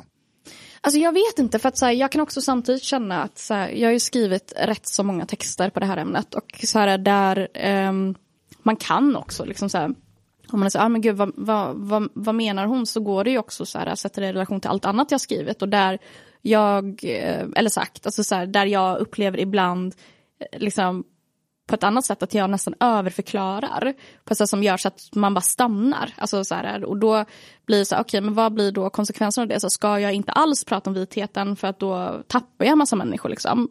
Um, eller ska jag, alltså, jag tycker det är jättesvårt liksom, och det är någonting jag som sagt, jag har inte landat i det, men det är någonting jag så funderar på ganska mycket och så framförallt också för att jag, jag har själv så ganska, jag har själv svårt för diskussioner som inte är lättillgängliga. Liksom. Um, att, så här, det, det var ju någonting som jag kände väldigt mycket när jag växte upp. Att, så här, vad fan, jag fattar inte den här debattartikeln. Jag förstår inte vad de snackar om för att det är ett väldigt otillgängligt språk. Liksom. Och det, det är verkligen någonting som jag försöker ta till mig, försöker tänka på. Men eh, det är också svårt att alltid tänka på det. För då hamnar man liksom i en position där man bara förklarar. Liksom. Så när du säger att så här, vi måste prata om eh, mer om rasism i Sverige och vithet och, och, och, att den diskussionen saknas. Tror du att det finns ett intresse från majoritetssamhället eller majoritetsbefolkningen att faktiskt vilja prata om de här ämnena på det sättet som du vill prata om? Det, det tror jag inte. Alltså, och, och, det är inte konstigt i sig, tänker jag. Alltså, så här, jag tror att människor är engagerade i saker som drabbar dem. så. Mm. Och då är det inte konstigt heller att så här, eh, folk som kanske inte alltid, jag vet så många människor som man träffat på, alltså deras ingång, eh, och då menar människor i, så här, i majoritetssamhället, alltså många av deras ingång har såklart att det finns en massa antifascister och antirasister som har liksom bara en teoretisk bas i det. Men annars så handlar det väldigt mycket om att så jag eh, har en son som drabbas av rasism eller en dotter eller jag har en vän som gör det och det fick mig att så här, börja intressera mig för det och så. Att, så här, jag tror att um, jag tror att så här, och också på det så tror jag att eh, samtalet om rasism i Sverige är extremt polemiskt. Liksom, där det är så här väldigt låsta positioner och så. Och det tror jag också gör så att så här, man inte heller kommer, kommer vidare. Alltså om vi bara tittar på liksom, den offentliga debatten. Annars i andra forum och andra sammanhang så tycker jag att det pågår skitbra samtal. Liksom. Um, så jag, jag, jag, vet inte, jag har inte ett bra, bra svar på det. Så.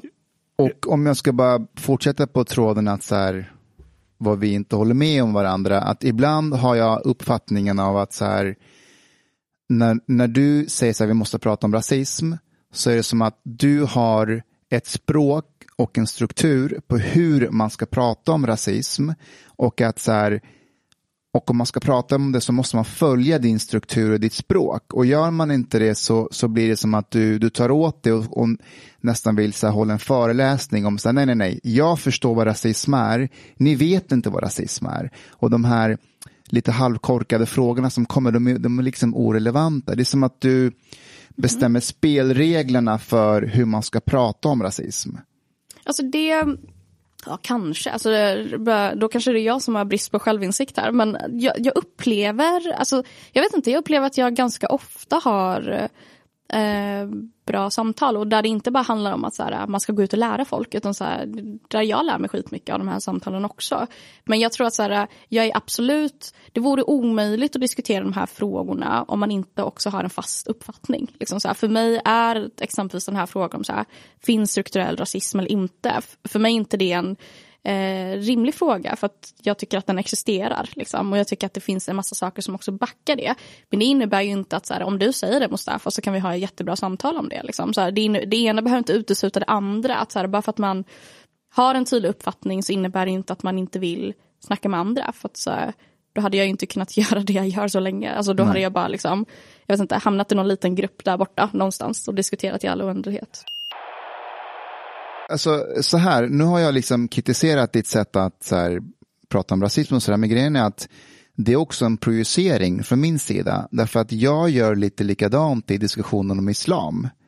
Att så här, när någon säger att islam är skitreligion, säger jag så här, nej, nej, nej. Du Ben Affleck. Nej men på riktigt, jag blir så här, It's fast... gross, it's racist! det har jag faktiskt aldrig sagt. Jag har sett den när han var på den här Late Show, eller? Uh... Är det Bill Maher? Bill, Bill Maher, ja. Det var ju typ så Sam Harris blev känd. Men hur som helst, mm. att jag blir så här, ah men du, okej, okay, du menar vissa uttryck för islam som islamism eller extrem salafism och så här, du menar inte islam som religion. Det är som att jag börjar Eh, Eh, som en språkpolis på de här personerna.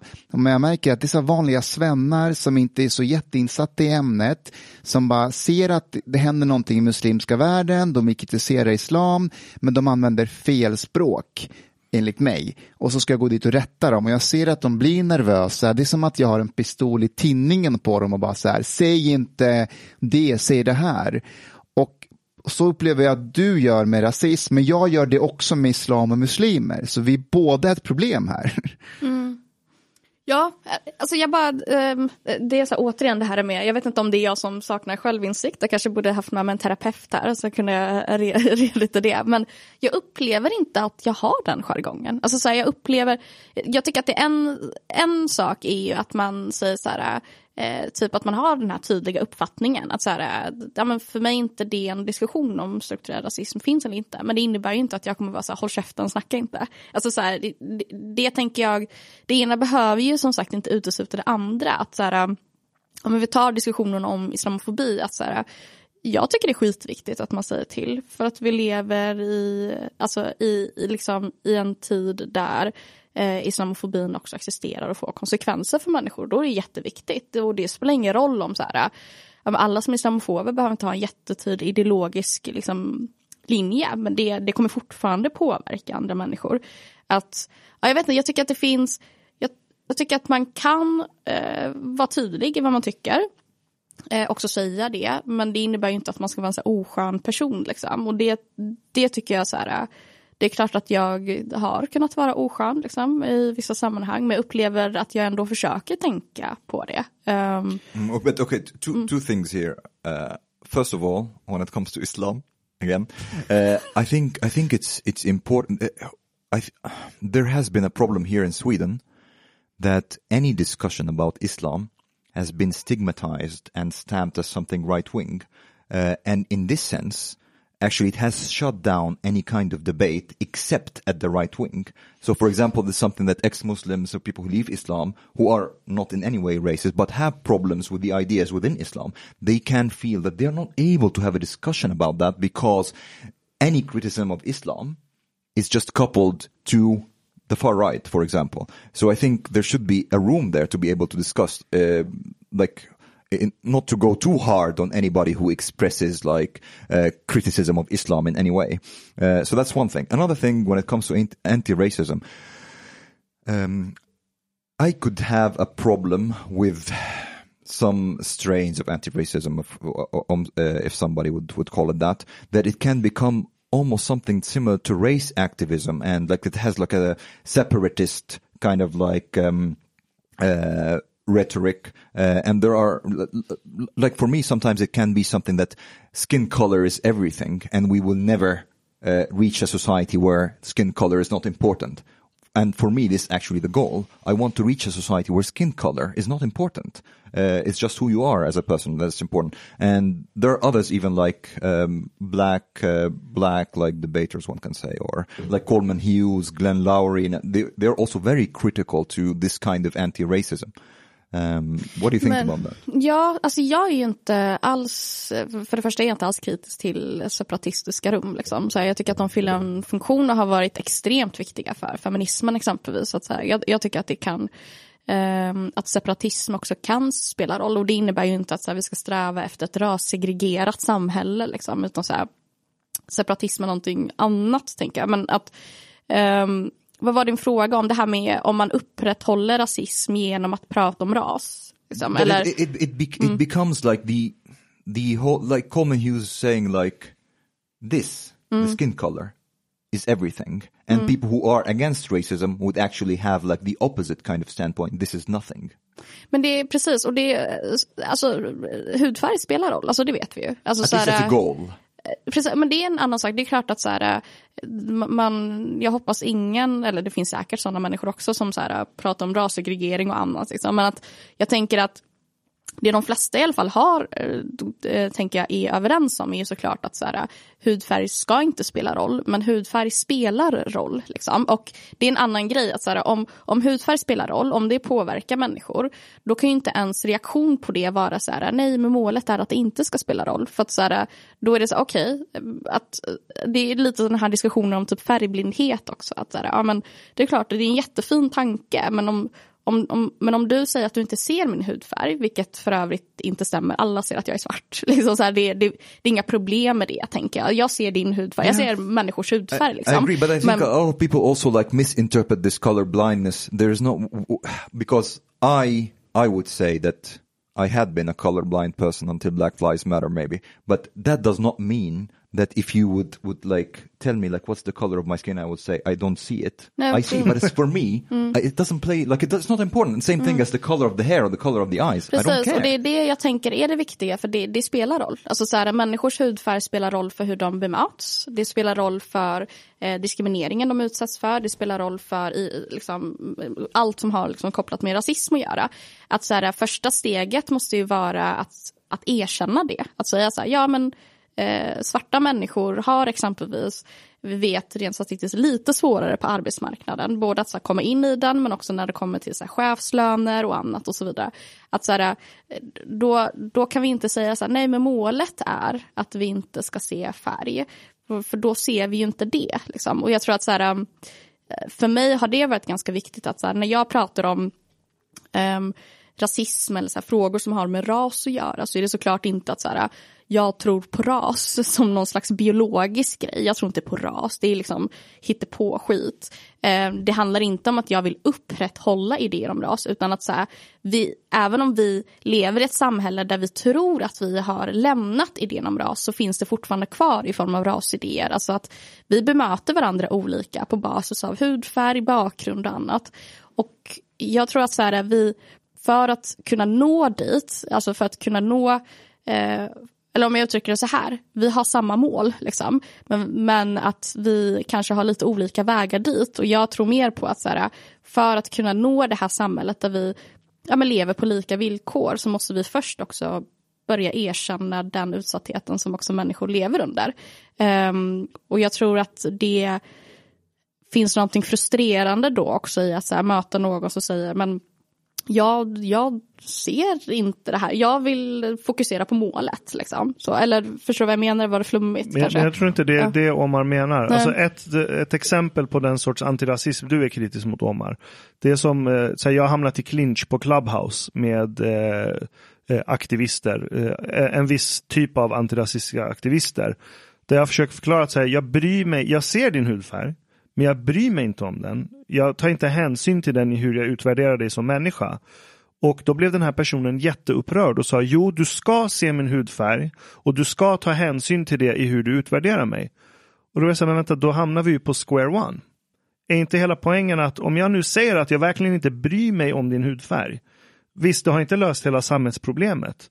Men varför insisterar du på att jag ska behandla dig annorlunda? Men jag tänker att har det, alltså nu vet jag inte exakt eh, den, Absolut, den du här inte diskussionen. representera- Liksom, nej, precis. Men eh, jag tänker så här, en, en ganska stor misskommunikation där är Ja. typ att så här, ehm, ja, men jag skulle kunna säga någonting likadant. Alltså så här, du ska se min hudfärg. Liksom. Eh, för det innebär också att du ser rasism. Alltså så här, du ser också vad som följer med en hudfärg. Och så här, det, man brukar prata om så här, typ ehm, på grund av så här, liksom, ja, men det, det samhälle som vi lever i så vidare så är ju liksom ingen skonad från rasfördomar oavsett om vi vill liksom erkänna det eller inte. Och det, det är också så här, en del av en större utveckling just kopplat till eh, frågor om rasism. Att så här, ja, men I alla fall efter medborgarrättsrörelsen så var det plötsligt så att så här, människor behövde liksom så här, diskutera den här frågan på ett annat sätt och förhålla sig till den. För att då var det så här, första gången man liksom slog på tvn och såg svarta människor bli ganska brutalt misshandlade. Och efter det så var det som att så här, många människor istället för att liksom så här, hantera det här och försöka liksom, så, så, så vill man liksom så här rygga tillbaka och bara, men jag är inte en sån, liksom, jag är en god person, jag ser inte eh, dig utifrån din hudfärg och så vidare. Och jag tror problemet med det är ju att, att man delvis lägger in en massa individuella saker i det. Att så här, jag tror absolut att alla har rasfördomar. Liksom. Så jag tror inte att någon är skonad från det för att vi också påverkas av vårt samhälle. Och det bästa sättet att också så här, ta sig an rasism är ju att också eh, tänka på det. Alltså, och det är samma sak med feminism. Liksom, att så här, för att ta, oss- ta oss an det misogyna så måste vi också eh, tänka på vad, vad man själv har för relation till de här frågorna och hur man själv också kan liksom bidra till, till lösningen. Så. Får jag, får jag fråga dig, Mm. så när Ashkan säger så här att han inte bryr sig om din hudfärg och, och du säger att jo, men, jag vill ändå att du ser min hudfärg eller, Mm. eller lägga märke till det. Vad innebär det? Ja, men, men det var lite det jag var inne på, alltså att det innebär ju också, då ser man vad det innebär att vara svart. Liksom. Och, och, alltså, så, här, och vad det- innebär det? ja, men diskriminering, alltså så här, allt som har med antisvart rasism att göra. Okej. Ehm, och, och, Och sen då, vad ska han göra? Eller Nej, men det, det är det här jag var inne på förut. Jag är jätteointresserad av det individuella. Det handlar inte om att jag lägger allt ansvar på Ashkan här och är så här, nu ska Ashkan gå ut och rädda världen. Utan så här, min poäng är att så här, om vi som ett samhälle hade börjat reflektera mer på det sättet. Att så här, ja men eh, istället för att rygga tillbaka och säga, nej men jag ser inte hudfärg. Istället för att så här, eh, erkänna att hudfärg spelar roll för människor. Eh, och spelar roll för liksom vilka villkor de får i ett samhälle, vad de får för möjligheter på arbetsmarknaden, på bostadsmarknaden och i, i vården exempelvis. Att så här, rätten till likvärdig vård och så vidare. Allt det här, att så här, eh, genom att säga att så här, nej men, det handlar inte om att vi ska gå runt och säga jag ser en hudfärg till alla, men jag menar på ett mer så här, eh, eh, hur vi själva förhåller oss till de här frågorna. Att så här, ja, men, eh, prata mer om att så här, vi lever i ett samhälle där vi har rasfördomar. Vet du, det, det är där jag tror vi skiljer oss. För mm. att eh, jag menar, jag menar att man ska lägga det på det individuella. För att om man säger att det är en struktur och alla är ansvariga och så vidare, då kommer ingen ta ansvar. Det blir osynligt, det är som att jaga ett spöke. I'm somewhere in between, I'm somewhere in between. Absolut. Because, alltså, because, okay, because mm. it can become a bit like catch 22. Because mm. if well, the society is made up of individuals. So we have first to decide whether we want to reach a society that is colorblind, again, colorblind not in the sense that they are not capable of literally see, seeing color, but where color does not play a role. Is this, is this the goal? If, is this the goal, then it, it's good that more and more people become like Ashkan, that this, is this is like, or, or that, that they don't really see this as a factor. This, this is something that we should spread. Um, or do you see that this is never going to be a situation where we will, uh, it's not possible that skin color someday in the future will play a role? Ja, alltså delvis eh, vill jag bara säga, alltså när jag, när, det jag menade, vilket jag sa på ett väldigt otydligt sätt, eh, så, men så här, det jag menar med det individuella är att så här, det är så himla lätt att fastna i de samtalen. Om, vi tar, så här, om du och jag hade suttit Ashkan och jag säger så här, nej men det är viktigt att du erkänner dina rasfördomar och du säger, men jag känner mig själv bättre liksom, än vad du känner mig. Och så hade vi bara clinchat där i det här individuella. Det innebär ju inte såklart att jag inte tycker att människor ska ta ansvar som individer. Liksom, det är en jätteviktig del av antirasismen, tänker jag. Att människor också blir, eh, börjar utvärdera sig själva och sina egna fördomar och så vidare. Um, men uh, nu tappar jag tråden. Vad var din andra uh, grej? That is it the goal that we end up as at, uh, in a society mm. where skin color does not play a difference. Ja, självklart. So this alltså, is something that is actually possible to happen.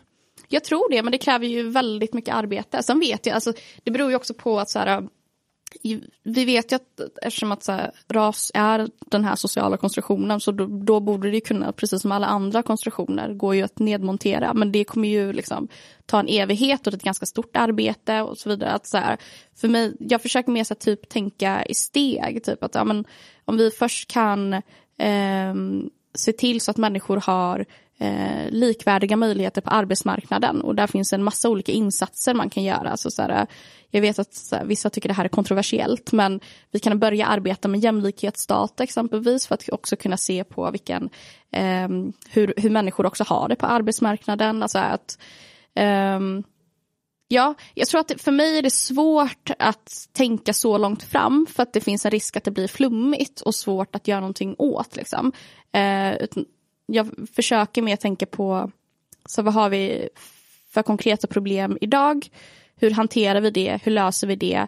Sen är förhoppningen att vi kanske når dit lite senare. Det, det där, mm. jag, jag, delar mål med dig, men det är där vi skiljer oss åt igen. Jag tror inte sociala konstruktioner som jag menar finns. Jag tror inte de kan nedmonteras genom hur vi pratar. Eh, Nej, inte på ett effektivt heller. sätt. Okej, okay, ja. det, det, är inte Nej. det du menar heller kanske rakt av. Men så här att ha en jämlikhetsdag eller sådana grejer.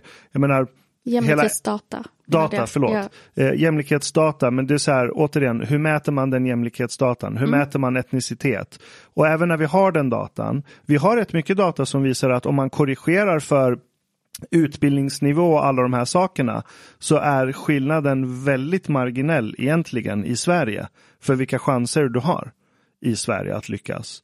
Så det finns en korrelation mellan hudfärg och hur bra det går för dig på arbetsmarknaden. Men korrigerar du för massa faktorer så försvinner den skillnaden. Så det är därför jag återigen landar i att eh, det går inte att nedmontera konstruktionerna. eh, genom, att, eh, ha, genom att prata om det eller titta på den här datan. För att jag tror konstruktionerna är alltid en konsekvens av vad människor gör och hur bra det går för människor. Så då måste vi börja med att kolla på va varför går det inte så bra för väldigt många människor kanske som har en viss hudfärg jämfört med en annan. Eh, och hur mycket jag än tittar på datan så är det inte rasism som förklarar det. Nej men det är för att vi inte har den datan på platsen. Alltså, eh, om, vi, om vi tar typ jämlikhetsdata, bara för att svara på det. Alltså, jämlikhetsdata bygger på självidentifikation. Så att det är människor själva som går in. Det handlar inte om att man ska så gå tillbaka till rasbiologiska institutet. Så här, då får människor själva klicka in ja. um, och, och, det har testats för. Uh, och det är också det som, som blir det svåra i Sverige för att så här, just forskningen kopplat till, så här, om man ska kalla det för så här, rasforskningen, har varit urusel på riktigt. Och vi har inte så mycket att utgå ifrån. Alltså det är först de senare år innan så mätte man ju efter etnicitet. Alltså så här, då tittade man jättemycket på olika invandrargrupper eh, som inte heller är representativt liksom, för en massa människor som är födda och uppvuxna i det här landet men ändå möter diskriminering eller på olika sätt. Att, så här, jag, jag tror att så här, vi, vi måste ha vissa grundläggande saker på plats för att också kunna hitta verktyg för att lösa det. För att annars kommer vi hamna i de här liksom evighetslånga diskussionerna eh, som inte kommer kunna eh, hjälpa någon. Alltså så en, en chef exempelvis, på, vad, vad, har den för konkreta verktyg idag för att kunna rekrytera brett exempelvis? Eller så här, titta på, på sådana frågor eh, tror jag är ganska Men går inte det emot viktigt. målet då? För om jag rekryterar enbart utifrån kompetens då borde jag strunta i hudfärg till exempel. Och om en viss hudfärg är eh, överrepresenterad i Sverige, då kommer det alltid vara en majoritet eh, icke-svarta i den konstellation jag rekryterar åt. Alltså vi, så vem är det som kan säga är det här tillräckligt brett eller inte? Ska det finnas lika många iranier på arbetsplatserna eh, procentuellt som det finns iranier i Sverige? Och om svaret är ja, eh, varför ska det inte samma gälla för valloner, belgier och alla de här olika etniciteterna? If I would be quoted, quoted in, in a workplace because I'm an Arab, This actually would be quite offensive for me. Men det handlar inte om det. Alltså så här, vi kvoterar redan. Alltså det, varför är det så dålig jämställdhet på bolagsstyrelser? Är det för att kvinnor är dumma i huvudet? Alltså så här, det handlar inte om det. Utan så här, handlar det om, det handlar om att så här, exempelvis, det finns lite olika förklaringar till det som jag förstått. Men så här, exempelvis kan det handla om att så här, som chef så rekryterar du oftast i ditt eget nätverk. Eh, så är du en man så rekryterar du andra män. Är du en kvinna så rekryterar du andra kvinnor. Alltså allt det här. Ja. Så om det, om det inte finns, eh, om, om du inte eh, om du inte har en relation till människor som inte ser ut som dig själv så kommer det också finnas en ganska dålig representation. Liksom. Um, så att så här, för mig är inte kvotering, alltså kvotering är inte en fråga om att så här, man slutar rekrytera efter kompetens utan så här, det är en fråga om att vi måste ha likvärdiga möjligheter. Och just nu så sker det redan kvotering men vi kallar det inte för det. Liksom. Eh, vi kallar det för typ jag vet inte, kompisrekrytering. Men det är kvotering liksom i grunden. Nepotism. Eh, Ja men typ, men, men det är också en fråga om kvotering. Vi kvoterar in människor som ser ut som oss själva. Säg att vi har ett magiskt, säg att vi har ett magiskt hypotetiskt scenario där vi har identifierat alla parametrar eh, där vi kan direkt avgöra var den här rekryteringen utifrån fördomar eller var den 100% rättvis. Och så når vi dit. Och så visar det sig att i de flesta bolagsstyrelser kommer det ändå bara sitta sig 25% kvinnor. Har vi nått målet då? Det är en väldigt hypotetisk fråga. Absolut, liksom. men det liksom. finns en poäng med den hypotesen. Och den är ju väldigt, tänker jag också, väldigt bunden till typ psykologi och annat. Så att det hade varit intressant att se hur det skulle utformas. Liksom. Men jag tänker, jag tänker så här att så här, det, det är som hela den här diskussionen som också pågår om så här, men varför väljer kvinnor vissa typer av yrken framför män liksom, och annat. Att, så här, vissa saker kommer hänga kvar på grund av sociala koncentrationer för att så här, kvinnor har lärt sig att de ska vårda medan män har lärt sig att så här, de inte ska göra och så vidare. Att jag tror... Varför domineras tekniska utbildningar av kvinnor i till exempel Iran? Då? Det är en intressant diskussion. Alltså, så här, och jag menar inte att det handlar om så här, inget är svart eller vitt. Liksom. Men vi ser vissa tendenser på arbetsmarknaden. Och så här, vi måste, det är det här jag tänker, så här, vi måste ha som sagt vissa grundläggande saker på plats. Har vi jämlikhetsdata, um, då, kan, då kan vi också börja se de här mönstren. Eh, men, men det blir, mycket av det här blir ju också hypotetiskt för att vi inte har så mycket på plats. Liksom. Eh, men vi vet att eh, från vissa studier och vi vet att många också vittnar om det så har man det lite svårare på, eh, på vissa arbetsplatser eller på arbetsmarknaden. Och det är ju värt att undersöka. Liksom, en, en, en, en konkret fråga William. Mm. Är, du, är du intresserad av utfallet eller möjligheterna in? Vad är skillnaden? Eller, Sk- Skillnaden är det hypotetiska exemplet jag drog. Ja. Om man är intresserad av utfallet, då vill man ändå pusha till att det ska bli 50-50. Fastän man har bevisat i mitt hypotetiska scenario att hur vi rättvist än gör det så kommer det vara en viss skevhet. Så nöjer man sig där eller säger man nej, det är utfallet som är viktigt, det ska vara 50-50 överallt. Alltså, so, so för- just, ja. just like so, for example, would we have reached a gender equal society if it was in like MMA? It's 50% women and 50% men who like to go into cages and fight. If we don't have 50% women, is that still problematic? Nej, men jag, jag tror ehm, så här. Jag tänker, inte, att- jag tänker verkligen inte att frågan löser sig genom att vi diskuterar så här, hur många särskilda procent det är. Utan så här, vi, vi vet att arbetsplatser blir bättre ju fler olika människor som är där. Ehm, och jag tänker, För kön finns det det till en viss nivå, men inte för etnicitet. Jo men jag tror ändå att så här, jag har varit på väldigt, gud det är typ det enda jag gjort. Jag har bara varit på homogena arbetsplatser. Liksom. Ehm, och, och det det påverkar i form av, typ inom mediebranschen, ehm, det faktum att vi har så dålig representation bland journalister, att så här, vad är det typ var tredje journalist i Sverige bor i Stockholm. Alltså så här, det påverkar vilka nyheter man tycker är viktigt, det påverkar vad man fokuserar på, det påverkar så här, vad sa du? There's not ethnicity though. Jo, fast där kan jag se det. nej, Där kan jag se alltså- det. Alltså kommer du, om jag som iranier går till en nyhetsredaktion så kommer jag ändå ha vissa intressen som är unika för mig som iranier att plocka ut och rapportera om. Men jag skulle inte säga att det slår ut på alla branscher. För det man har sett det är att om det är för stora kulturella skillnader på människor på en arbetsplats som kommer korrel- korrelera med etnicitet, då leder det till en förvärring av arbetsplatsen för att det blir för mycket misskommunikation och sådana problem. Men så länge man har samma kultur eller värderingar då, på ett visst sätt. Men att man kan ha väldigt olika åsikter om hur produkten ska utformas. Den sortens, eh, eh, vad heter det, inte jämlikhet, vad är det andra ordet? Mångfald, den sortens mångfald gynnar. Men blir det för stora kulturella skillnader på arbetsplatsen så tenderar det att förstöra mer. Alltså det, det är bara att ta fotboll som exempel. Eh, Det, det är liksom välkänt att italienska spelare funkar inte i Premier League.